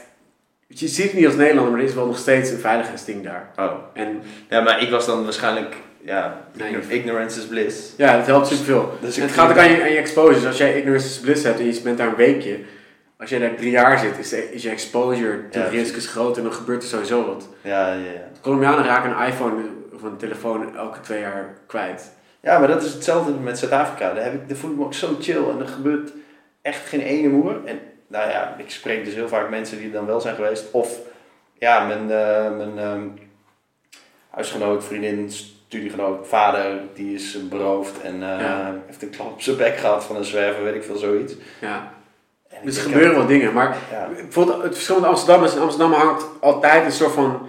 Amsterdam is best wel veilig, maar er hangt wel een soort van vibe altijd van... Dat, er kan elk moment wel een soort van ruzie ontstaan. Iedereen is wel een soort van on edge, heb ik het idee. Ja, weet je? Het is gewoon een grote stad. Ja, dat idee heb ik ook wel. ja. Maar, dat, maar in Colombia is het juist heel chill. Alles is heel relaxed. ja. Totdat het opeens niet meer relaxed is en een gun naast je hoofd staat. Snap je? Ja, ik Wat in Amsterdam niet, niet gebeurt. Het, het- Amsterdam ziet aankomen. Amsterdam is van... Hey, hey, back, circle. En dan, hey, back. Hey, What moet je doen dan? en, dan? en dan gaat het mis. Maar in Colombia opeens. En ja. het is heel interessant, ja. En in Japan gewoon niet. Gebeurt. Nee, dat Ik liep ook met mijn- laptop, zet ik overal neer buiten. En dan ging ik gewoon even een kwartiertje weg. En gewoon te, gewoon te fucken. Ja. kijk ik van, dit, moet kunnen. Het kan ook. Ja, dat, is, ja, dat staat in iedere Lonely Planet en weet ik veel wat voor gids. Staat ook op Noordlist. Ja, ja, het is heel veilig. Maar geen cafés, dus geen, geen koffieplekken. Koffie, koffieplekken. ik kan het coffeeshop zeggen, het is Nederlands, maar Ja. coffeeplaces. Eh je hebt Starbucks en ehm zo'n Japanse chain. En ja, je kan dus gewoon niet werken, want de, en de coworkers zijn heel duur. Het zijn zo'n Ja. kantoren, je dus je moet daar lid worden voor zes, voor zes maanden, weet je wel. Dat is allemaal niet, je kan er niet werken, man. Misschien Tokio is het wat beter, maar Jij was nog in Osaka. ja. Ja, ik, was, ik ben twee keer in Tokio geweest. Ja, ik- ja nee, eh, die, die domme coffeeshops met dat rare gekke wifi. Ehm, Ik snap niet hoe het werkt. Iedereen heeft een zo'n pocket router. oh ja, ja. Ja, dat Met kan pocket wifi. Maar Dat is alsnog duur waarschijnlijk. Ja, voor mij is het wel oké. Het is 50 euro per maand. Maar dan nog... Waarom kan je gewoon een 4G-simkaart kopen? Waarom? Misschien ben ik al gewoon, maar dat kan je overal. Dus waarom? Ja, Dat kan niet. Man. Dat zijn tradities weer. oké. Ja. Laatste ding. Waarom staat er op Nomad List dat je in, in, Nederland- in Amsterdam geen taxis moet bestellen? Omdat het TCA, dat zijn totale idioten. En ik ben drie keer met de dood bedreigd. drie keer in mijn hele, in mijn hele leven. Ehm Eén keer is toen ik eerste keer toen ik in Amsterdam kwam, 2007, toen eh, nam ik een taxi en hij zei, ga je nog fooi geven? En ik zei, nou, nee. Want ik kom uit Nijmegen, weet ik veel. En ik, zo, moet ik voorgeven, je hebt gewoon een rit gedaan. Ik loop naar buiten, ik sta achter die taxi. En hij gast achterin op me in. Echt? Letterlijk. Totaal gestoord. En ik, ik klacht, klachten dienen, weet je wel, gebeurt niks mee. Eh, en heel mooi, vorig jaar kwam ik terug uit, eh voor ergens, Bali of zo. En toen eh, pakte ik de taxi bij Amsterdam Straal. En er stonden van die ge- gemeentepolitie, weet je wel. Die staan er alles te regelen. Ja. Dus ik ga in dat ding zitten en ik zeg, ehm, hij zegt, waar wil je heen? Ik zeg maar adres, het was Houtmanstraat, Houtmankade of zo, daar in de buurt. En hij zegt, ja, dat is te kort. Ik zo, eh, ja, dat begrijp ik, maar ehm, de wet is nu dat je, je moet elke rit nemen, want daarom staan die jongetjes daar, die gemeentepolitie. Hij zegt, eh, wet, wet, mijn taxi, mijn wet, mijn regels. En hij gaat ineens karren en ik, gast, ik heb niet eens mijn, mijn ding om, mijn riem. En eh, hij gaat keihard, hij gaat echt 70, 80 rijden over gewoon Amsterdamse wegen. Gewoon, je bent met de verkeerde geklooid, ik ben helemaal gestoord. En ik zei, holy shit, what the fuck. En eh, het was vet eng gast, super eng. En gewoon totaal, je zit gewoon in iemands auto Ja. met een gestoorde gast. Ja. En je kan niet uitstappen, want hij gaat super hard. Dus hij nam gewoon de fucking power over. Het was echt zo'n power dynamic van... Ik zei, oké, gast, gewoon rustig, weet je wel. S- En ik, gast, ja, ik, mijn overlevingsmanier is dus niet ego, want dan word ik dus vermoord en ik dus niet kan vechten. Dus ik doe gewoon een soort puppy. Ik zeg, oké, sorry dat het korte rit is, ik snap dat het moeilijk is. Gewoon rustig blijven allemaal. En zo, rustig, rustig, maak de actie! En uiteindelijk ben ik eruit gegaan. Toen heb ik zijn, kenteken gefotografeerd. En eh, heb ik gegoogeld. En gast, Tw- Twitter, heel Twitter stond vol mee. Allemaal Echt? wat ik nu heb meegemaakt. Gestoorde gast. En, eh, maar het- was niet een gestoorde gast. Het is gewoon weer een soort van symbool van TCA-taxichauffeurs die gestoord zijn. En daarom neem ik liever een Uber. Maar ja, dan ben ik zo'n white tech male bro die Ubers rijdt. Ja, true, maar Uber lost wel ongeveer duizend problemen op. Of heeft dat opgelost. Precies dit, dat je iemand kan flaggen als hij een mogol is. Ja. Wat gewoon niet kon, waardoor die hele machtsverhouding klopt niet. Nee, precies, ja. En ja, ik, ga, eh, ik ga jou niet van A naar B rijden. Oké. Eh, Nee. Ik was in Nijmegen en daar is het ook weer heel moeilijk. Dan bel ik, ehm dan zoek ik Uber in Nijmegen of zo, of iets, is een app en dan is er geen app. En dan bel ik dus taxi, taxi Sanders. En dan is het 0, 024 eh, 7777. En dan, eh, Oh ja, dat wil ik straks nog even. Hallo Sanders! Oh! Oké, kan ik eh, naar de Sint-Jacobs gaan? Ja, we hebben 20 minuten wachten. Dan kom ik wel langs. Zie je. En, maar uiteindelijk komt hij wel. Maar ja, het is natuurlijk een vrij suboptimale ervaring. Ja. Ja, ik vind het, het toppunt van TCA is dat ze allemaal op een auto hebben staan 7 keer 7 En ik, ik heb echt heel lang gedacht, wat de fuck betekent dat? Maar Ja. het betekent dus dat het telefoonnummer van de taxi voor Ja. mensen met een vaste telefoonlijn, of, ja, of, Ne- 49. of, of Nederlandse, of Nederlandse mobiele telefoons, 020 777 7777 is. Wie? Ben ik de enige die. Want Nee, toeristen nemen ik toch een fucking taxi? Want Ja, precies. toeristen zijn Nee, klanten. ik, ik dacht dat 77 voor 49 stond of zo. Iets raars. Ik, eh, Maar dat is het dus, want dat is het telefoonnummer. ja. En dan, maar niemand die dat begrijpt, zet er godverdomme wat anders op. Nee. Wat ik het vet vind die... Soms als ik dus zo'n taxi wil nemen... Dan, het is een beetje lullig, maar dan ga, begin ik gewoon over Uber. Zeg, wat vind je over Uber? En dan... eh ah, het gesprek wat je dan krijgt... Ze hebben het gewoon niet door wat aan de hand is. Ze zeggen... Ja, dat gaat nou weer. Want die overheid die gaat er iets aan doen. Dan moet je... Dat, dat komt... Dat gaat, dat gaat helemaal niet werken. Dat, eh, die, die, ze verdienen allemaal niks. ja, Dus... ja, eh, dat kan niet. Dat is onzin. Ja. Maar ehm, misschien moeten we nog een beetje praten over ehm, die nomad shit. Ja. Ik denk heel veel mensen luisteren die willen iets meer misschien nog daarover horen. Oh ja, dat is goed. Ehm, want jij bent een soort van nomad, toch? Ja, soort- ik weet niet wat de definitie ervan Want je bent meer iets van een klein beetje travelblogger vibe, maar Ja, nou, nou ja, dat komt gewoon omdat mijn interesse daar ligt. En ik denk, ik vind dat ik daar goed in ben en dat met de wereld wil delen. ja. Maar er is grote overlap tussen die twee. Ik bedoel, ik kom ze tegen in de coworking in eh Canggu. Het zijn travelbloggers of whatever, vloggers, weet je wel. Ja. Het is, het is dezelfde, ze ze worden dezelfde scene. Nee, nou ja, de- het komt gewoon. En ik, ik ben daar eh, vorig jaar eh, gewoon op persoonlijk vlak steeds meer achter, te komen, achter gekomen waarom ik shit doe die ik doe. nou, een van die dingen is dat ik heel, autonomie heel erg belangrijk vind. En natuurlijk is dat een generatieding, maar volgens mij is het bij mij persoonlijk nog wel even wat extremer dan bij de rest. Is dat ik heel slecht functioneer in een situatie waarin iemand anders mij vertelt wat ik moet doen. Ja, van precies. tevoren een soort protocolletje krijg en doe dat, eh, werk dat maar uit. Dus het kan wel als ik daar binnen die kaders mag freestylen. De, en eh, daarom vond ik dus autorijlessen een van de ergste ervaringen Ik die ook. ik had. Ik heb precies zo. Gewoon omdat een dude één uur naast je zit en hij gewoon bepaalt wat goed is en wat fout is. En hij zegt gewoon letterlijk, hier rechts en dan pakken zo even links. En dan, ja, knippertje mag uit. En dan, ja, weet je, nou zo. En dat is gewoon, dat is de, het symbool van hoe ik het niet wil. En hoe ik het wel wil, is dat ik of een opdracht krijg of zelf een opdracht verzin. Dat is natuurlijk de ideale situatie. En dan is het, is het eh, kijk maar even hoe je er komt. Ja. Doe het maar op eh, de beste manier, want, want we hebben vertrouwen in jou. Of ik ga zelf dat verzinnen. Dus dat, dat is het verhaal van... ehm, eh, eh, hoe heet dat? Hiërarchie en volgens mij autonomie. Twee assen die, die je verticaal en eh, horizontaal zegt. Of je zegt, eh, yo, we gaan een eh, brug bouwen. Of je zegt, eh, kijk maar even. Dan ga, je, dan ga je dus, weet ik veel, een kermis bouwen, maar dan kom je de rivier niet over. Mhm. Dat, is, dat is eigenlijk de vraag. We moeten de rivier over. Of iemand zegt, yo, we, we moeten de rivier over.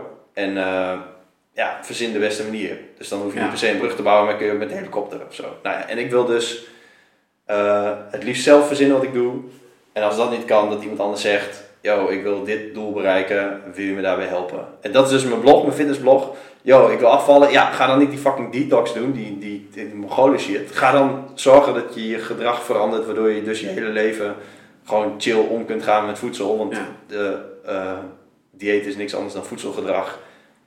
Ja, het, het, is- het is dus gedrag. Maar is het niet ook... En dat is dus, want je wilt het over Nomad hebben. Ja. Dat is dus dat ik ook, ja, ik hoef er niet per se op een plek te zitten waar ik eh, met mijn computer, dat ik daar moet zijn om een bepaalde tijd om iets te doen. Nee, natuurlijk niet. Als ik in plaats van vier uur een beetje naar mijn scherm kijk terwijl ik geen zin heb of gewoon heel erg vervelend obstinaat word, dat in een half uur ehm, in een Starbucks in eh, Vietnam kan doen. Ja. Ja, dan ga ik toch dat doen. En zeker ook omdat het in het buitenland goedkoper is om te leven dan in Nederland. Ja. Dus ja, dan is de, de wereld gek en ik niet.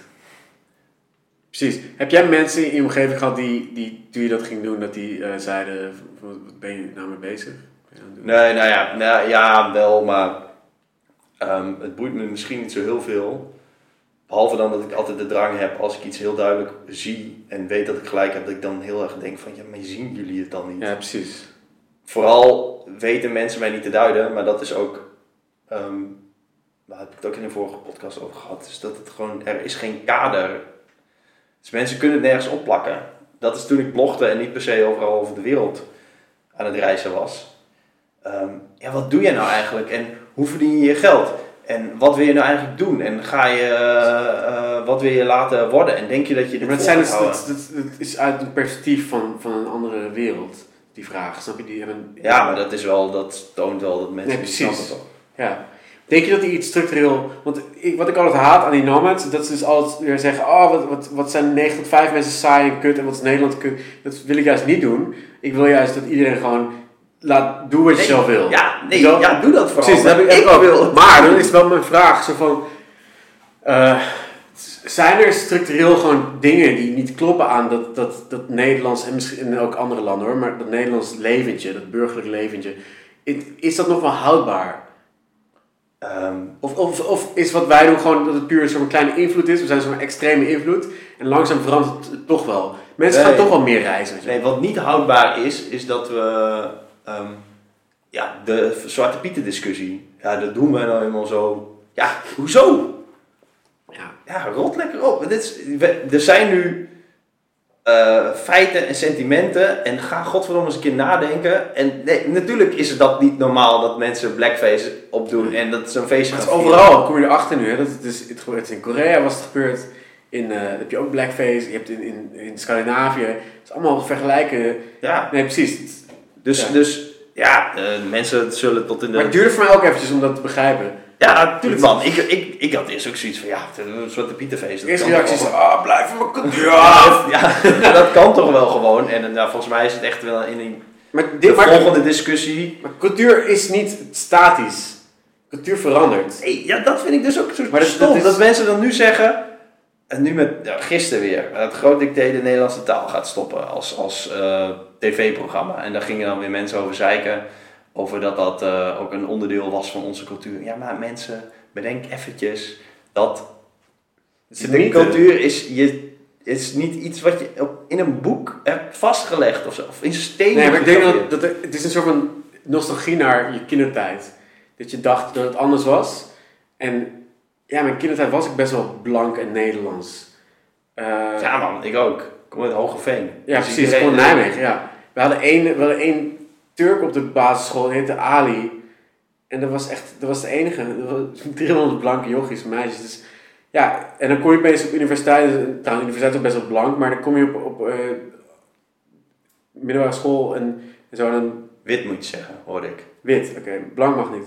Nee, ja, ik weet niet, ik weet niet precies waarom, maar ja. Oké, wit, whatever. Maar eh dan kom je opeens achter dat de wereld anders is. Ja, dat is wel goed. Ja, maar dat moet dus veel eerder, dus daarom is het, daarom is het toch goed. Maar het is een angst. Je moet, mensen klampen vast aan iets wat. eh, mensen zijn bang voor verandering, man. Mensen zijn bang voor. Dit is altijd. Eh, ja, alleen, ja, ik ben wel een... eh, Maar dit is toch hetzelfde als met virtual reality? Virtual reality straks kan je dus een vriendin of een vriend hebben in 3D. Gewoon de mooiste meisje of jongen, whatever. En dan kan je seks mee hebben. Wat beter voelt waarschijnlijk dan seks met je eigen vriendin of vriend. Weet je wel? Dat is heel angstaanjagend. Dat gaat dus dingen veranderen. ja. Maar dan kan je dus niet, je kan dus gaan schreeuwen, eh, dat moeten we verbieden. Maar dat, dat werkt niet, want dat gebeurt toch wel. Ja. Eh, drugs is een beetje hetzelfde verhaal. Je gaat, mensen gebruiken toch wel drugs. Dus ja, ehm, ja, het heel erg opleggen van dingen die, die je doet op anderen dat ze het ook zouden moeten doen. Ja, ik moet er soms van waken hoor, want ik vind, en ik, ik moet er daarom altijd heel erg expliciet bij zetten. En, en ik eh, ga het nu weer hebben over mijn eh, werk of weet ik veel, hobby, een missie als fitnessbloggetje. De, de basis is, doe lekker wat je zelf wil. Echt, echt het is allemaal, het is allemaal prima. En eh, wie ben ik om er wat van te zeggen? Totdat je wil afslanken of je wil spiermassa aankomen of weet ik veel, je wil iets. Meestal wordt dan de minst efficiënte, minst effectieve misschien wel keuze. maar dit is hetzelfde met start-ups. Jij doet hetzelfde wat ik doe. Ehm, als mensen start-ups willen doen, alles wat er publiek bekend is over start-ups doen, dat zijn de trenddingen. Dat zijn de verkeerde manieren om een start-up te doen. Die, die resulteren niet, dat zijn shortcuts, dat zijn, hetzelfde met dieet denk ik. Dat zijn niet dingen die lange termijn werken. Ja, Het is in elke industrie hetzelfde. Ik zat in de drum bass elektronische muziekwereld. Het was hetzelfde. Mensen waren ehm, elkaar aan het vertellen over wat de, wat de snelste manier is om de, de baslijn van Pendulum na te maken. Weet je wel? Terwijl dat is niet de manier om een succesvolle artiest te worden. hey. Weet je wel? Ja, daar gaat nog iets aan vooraf. Toch? Dat is, je moet toch altijd bijna, je moet toch altijd vragen waarom. Ja, precies. Ja. Waarom je iets wil. Maar als dat is wat je bedoelt, mensen willen shortcuts hebben voor alles wat ze doen. Mensen willen... eh, mensen kiezen consequent de verkeerde, de verkeerde manier om iets aan te pakken. Ja, maar Eh, het, een shortcut is ook goed. Je moet, ja, je, je moet ook dingen sneller... kunnen- Ja, de hele discussie die we net hadden over banken. Ja, Nee, dat is goed. Als jij doet wat zij willen dat je doet, heb je het ook geregeld. ja, als die shortcut even goed functioneert als de lange weg, Ja. is prima. Maar dat is niet vaak. Nee, de shortcut Je kan niet twee weken, twee weken die, dieet nou, van 80 naar 60 kilo. Dat werkt niet. Het komt weer terug of whatever. Ja, het, is, het lukt, ja, ja, nee, het is wel een goed eh, experiment. Nee, Maar dit is een goede metafoor, want dit, dit, dit is een van de grote problemen met heel veel scenes, als het ware. Dat mensen dus ehm, niet lui of zo, maar dus toch wel... Mensen willen niet de tijd investeren om ergens goed in te worden. Nee. Nee, omdat, ja, maar dat, heeft, dat is ook weer zo'n maatschappij-ding. Omdat heel veel mensen doen voorkomen dat ze een overnight succes zijn. Dus dat het mogelijk is om snel af te vallen. Of om, weet ik veel, een, eh, ehm, een succesvolle internetonderneming op te starten in eh, ehm, Drie maanden. drie maanden. Ja. Ja. En tuurlijk, eh, YouTube was na, weet ik veel, 1,2 jaar verkocht aan Google voor eh 1,65 Ja, maar je moet de miljard. statistiek erbij halen als het zien dat dat een outlier is. Het is een sterke Ja. outlier, dat is niet normaal. Nee. Je kan, het niet, je kan niet anekdotische eh, voorbeelden gaan gebruiken. Dat werkt niet. Dat is een, Nee, maar jij gebruikt, argumentatie. je gebruikt het wel met je Uber voorbeeld op Nomadlist. Dat zinnetje staat er dus omdat je zelf die ervaring had. Ja, klopt. Ja, ja. Nee, tuurlijk, ik ben ook het schul- schuldig aan jou. Maar ehm, Nee, maar ja. Maar dat is, laten we, het valt nu wel stil. Nee, maar dat is een, dat is een detail. Ja. Natuurlijk, natuurlijk gebeurt dat. Want ik denk, ik denk ook, ehm, oh ja, tering, eh, die bitcoin en die ethereum, of hoe, zeg je, hoe spreek je dat uit, gaat nu tering hard. nu moet je instappen. Nee, nu juist niet. Ja, ik weet niet. Buy high, sell low, weet je wel. Ik weet, ik, ja, ik weet dus niet of dit een high of low is, maar ik denk wel steeds, oh tering, als er nu weer zo'n crypto ding eh, op een paar cent staat en die gaat in één keer, en het gaat een beetje omhoog, dan ga ik het ook kopen, want ja, voor je het weet heb ik ook binnen twee weken Ik zeg mijn ook niks. Ja, ik heb dat gedaan toen in het begin van Bitcoin. Ik heb al die altcoins gekocht: Litecoin, Infinity Coin, Mooncoin. Mooncoin heette letterlijk Mooncoin, want het was to the moon. Ja, Dus iedereen wou, het was gewoon speculeren. Het is allemaal niks geworden, behalve eh, Bitcoin en Ethereum. Dus, maar we zijn, zo van, mensen zijn pattern matching engines. Dus we zoeken naar patronen ja, en dan zoeken willen we dat ze weer gebeuren. Maar de realiteit is van het leven dat het, dat alles wat gebeurt is vrij random. Als je, ze hebben eh, bijvoorbeeld eh, aandelenmarkten onderzocht. En letterlijk, het is bijna volledig random. Je kan, niet, je kan letterlijk niet voorspellen wat er gebeurt op de aandelenmarkt. Je Nee. kan, dat is gewoon te moeilijk. En anders zou je heel rijk zijn, weet je wel. ja, Er zijn wat van die quant, van die AI-bots die nu op basis van dat er nieuws gebeurt, kunnen ze redelijk een klein beetje geld verdienen. Maar ehm, het, is, het, is, het is entropie, het is eh, totale chaos, het is chaostheorie. Het is, Ja. Dat is een feit. Dus je, je kan in feite niet zeggen dat jij een patroon hebt gevonden wat werkt en dat, dat je dat kan herhalen. Of, ehm, en het komt, dat is een cirkel, dat heeft wel weer te maken met wat je net zei, dat mensen een shortcut zoeken. Shortcuts gaan vaak over patronen die eerder werkten voor één iemand of voor anekdotes. Ja, ja. En die je dan ja. toepassen op iedereen. Dat is bullshit. En ja, de beste shortcuts zijn ehm, op basis van heel veel data. Ja. Maar je moet respect hebben voor, voor chaos en randomness. Ik heb nu een, eh, de laatste vier maanden, vijf maanden, heb ik, eh, het is een jongen uit Bali, André uit Oekraïne, eh, en nog een paar, en mijn broer, nog een paar andere mensen. We zitten in een chatgroep en iedereen wil een soort van startupjes shippen, weet je. Iedereen wil een product of een app maken Ja. en leren programmeren en al die dingen. Dus iedereen is soort van steeds een, een, een app analyseren. Het wordt dan ook, komt de product hunt of hacker news, het wordt succesvol. Maar het is heel moeilijk om geld te verdienen. Dus in feite nu, na zes maanden, is de resultaat dat er is heel weinig geld verdiend nog. Er zijn, Ja. dus, er zijn mensen die zijn viral gegaan in die groep, maar er wordt steeds geen geld verdiend. Dus in feite is het resultaat is gewoon nul, het is gewoon gefaald. Ja. Dus zelfs met een mentor erbij, zelfs met bijvoorbeeld mij erbij die, die tips geeft, het, het, heeft geen, het slaat nergens op. Je kan, wat ik doe, niet een patroon maken en herhalen. Nee. Dat, is, dat, is, dat werkt dus niet, dat is bewezen. Dus Nee, je moet niet het patroon Nee, je moet je eigen ding doen. En dat is hetzelfde met, met creativiteit en muziek en met bloggen en met whatever. Als jij je eigen ding doet, en, en dan waarschijnlijk wordt het nog steeds niet, maar heb je in ieder geval je eigen stijl. Ja. Wat staat er eigenlijk in je boek? Dit soort dingen, ja. Dat- Maar dit, dit boek heeft hetzelfde probleem Ja, natuurlijk. maar mensen, ik denk dat mensen nu gaan pre-orderen, of is het al af? Nee, het is bijna af, ja. Als, dat ze het gaan pre-orderen, omdat ze dan denken, oké, ja, deze gast die gaat lekker... En maar daarom is dit, dit is een van mijn grootste ethische, principiële, pro- problematische kwesties. En ik overweeg zelfs iedereen het gewoon te refunden en het boek gratis te geven.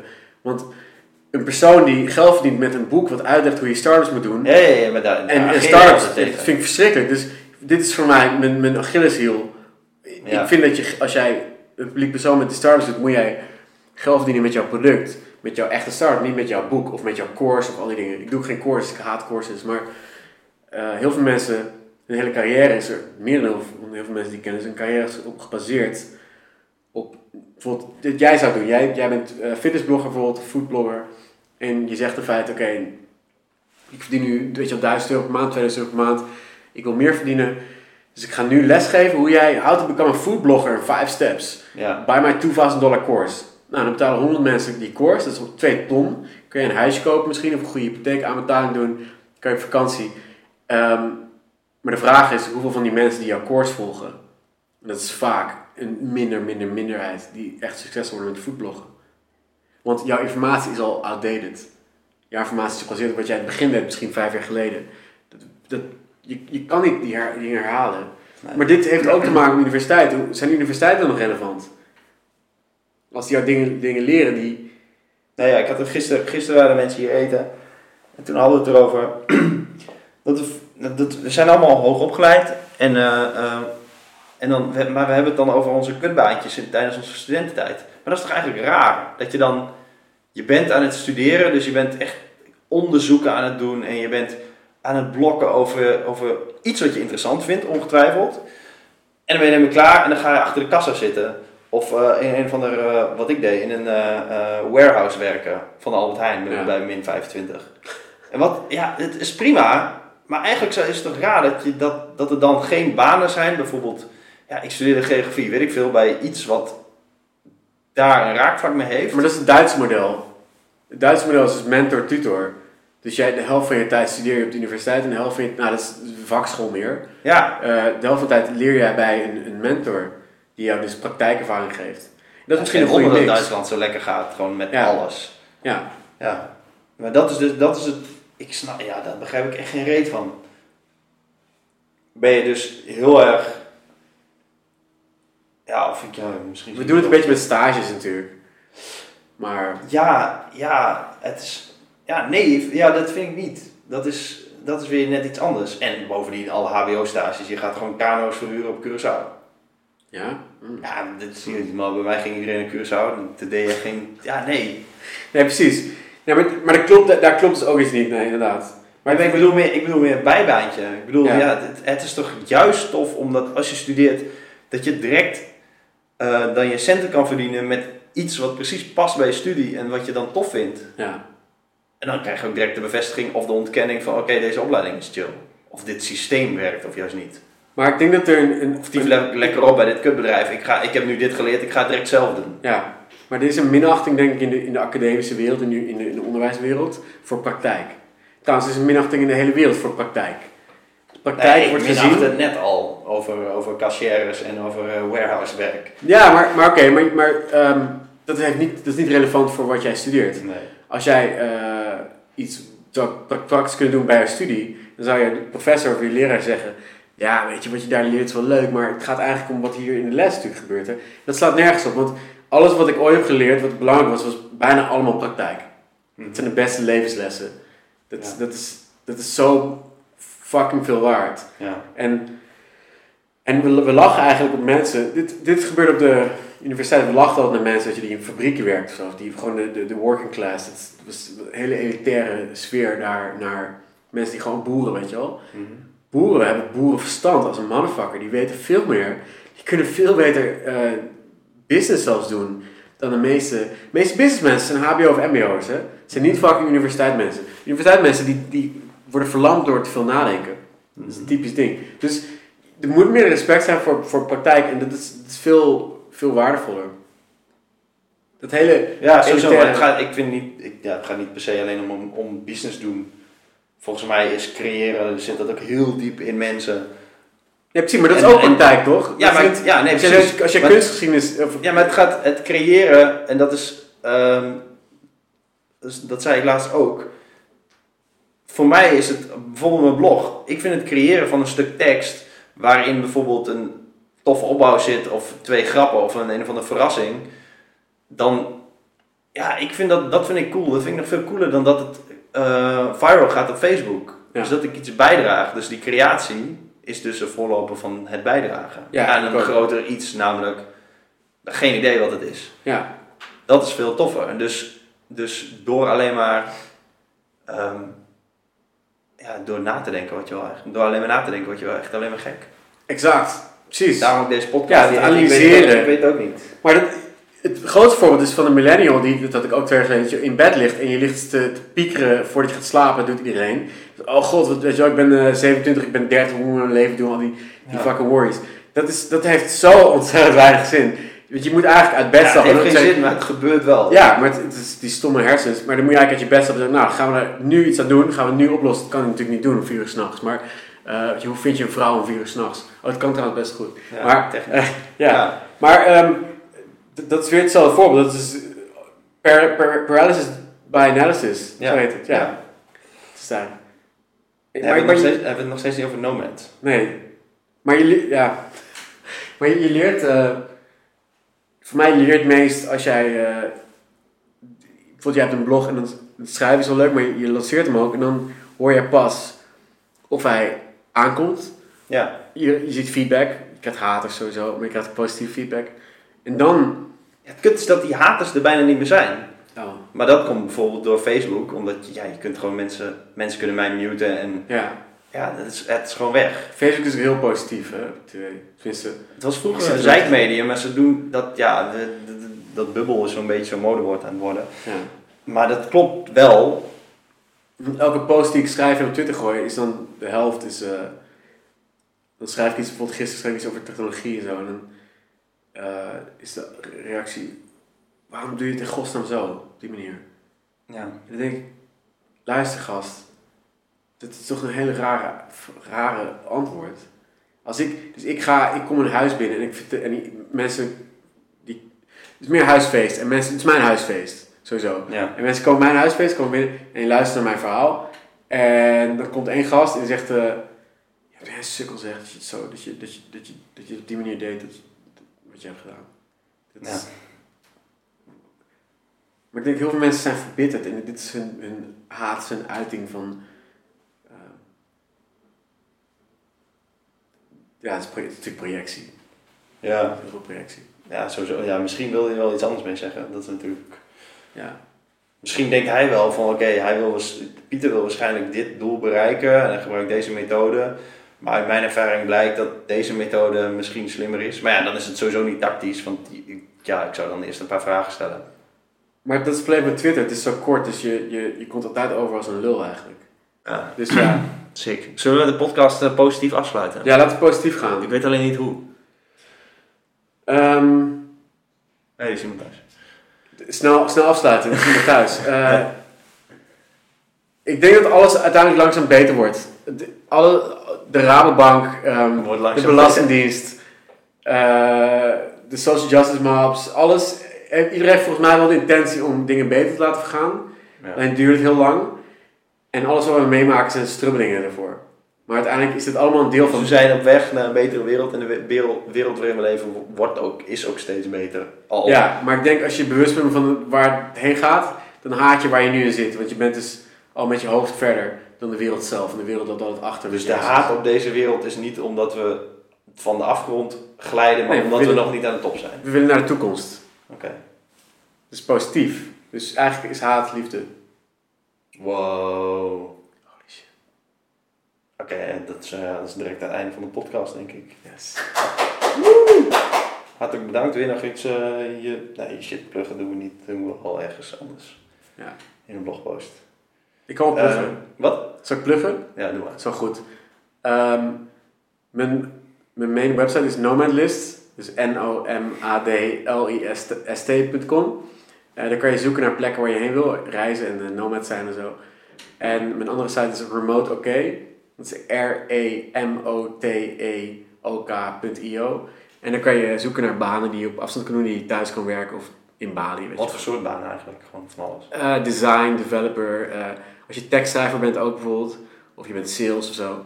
Dat kan allemaal ook niet in een kantoor. Mhm. Ehm, ja, zijn het meest mijn projecten. En mijn blog is levels.io, E L-E-V-E-L-S. Best wel regelmatig gepost, toch? Ja. Ja, cool. Oké, ik wil nog toevoegen dat je. Want ja, er komen natuurlijk mensen via iTunes nu opeens, omdat ik Oh ja. op die lijst sta. Dat mensen opeens, Vet, vet. die mij niet kennen, opeens mij opeens kennen. Dat is tof. Dus eh, sowieso thanks voor het luisteren naar deze eh, podcast en die andere. Maar eh, de show notes van iedere podcast, ik vind het ook zo'n kutwoord, maar ja, doe maar. Kun je allemaal vinden op uh. Dus daar vind je ook, eh, ja, vind je eigenlijk alle links van dingen die we hebben besproken, die ik belangrijk vind om nog even te benoemen. En quotes zet ik daarop. En op mijn website jammerdeboer.nl vind je ook gewoon alle blogs die ik daarnaast nog schrijf. Al eh, een jaar of vier. Dus ja, dat wil ik nog even toevoegen.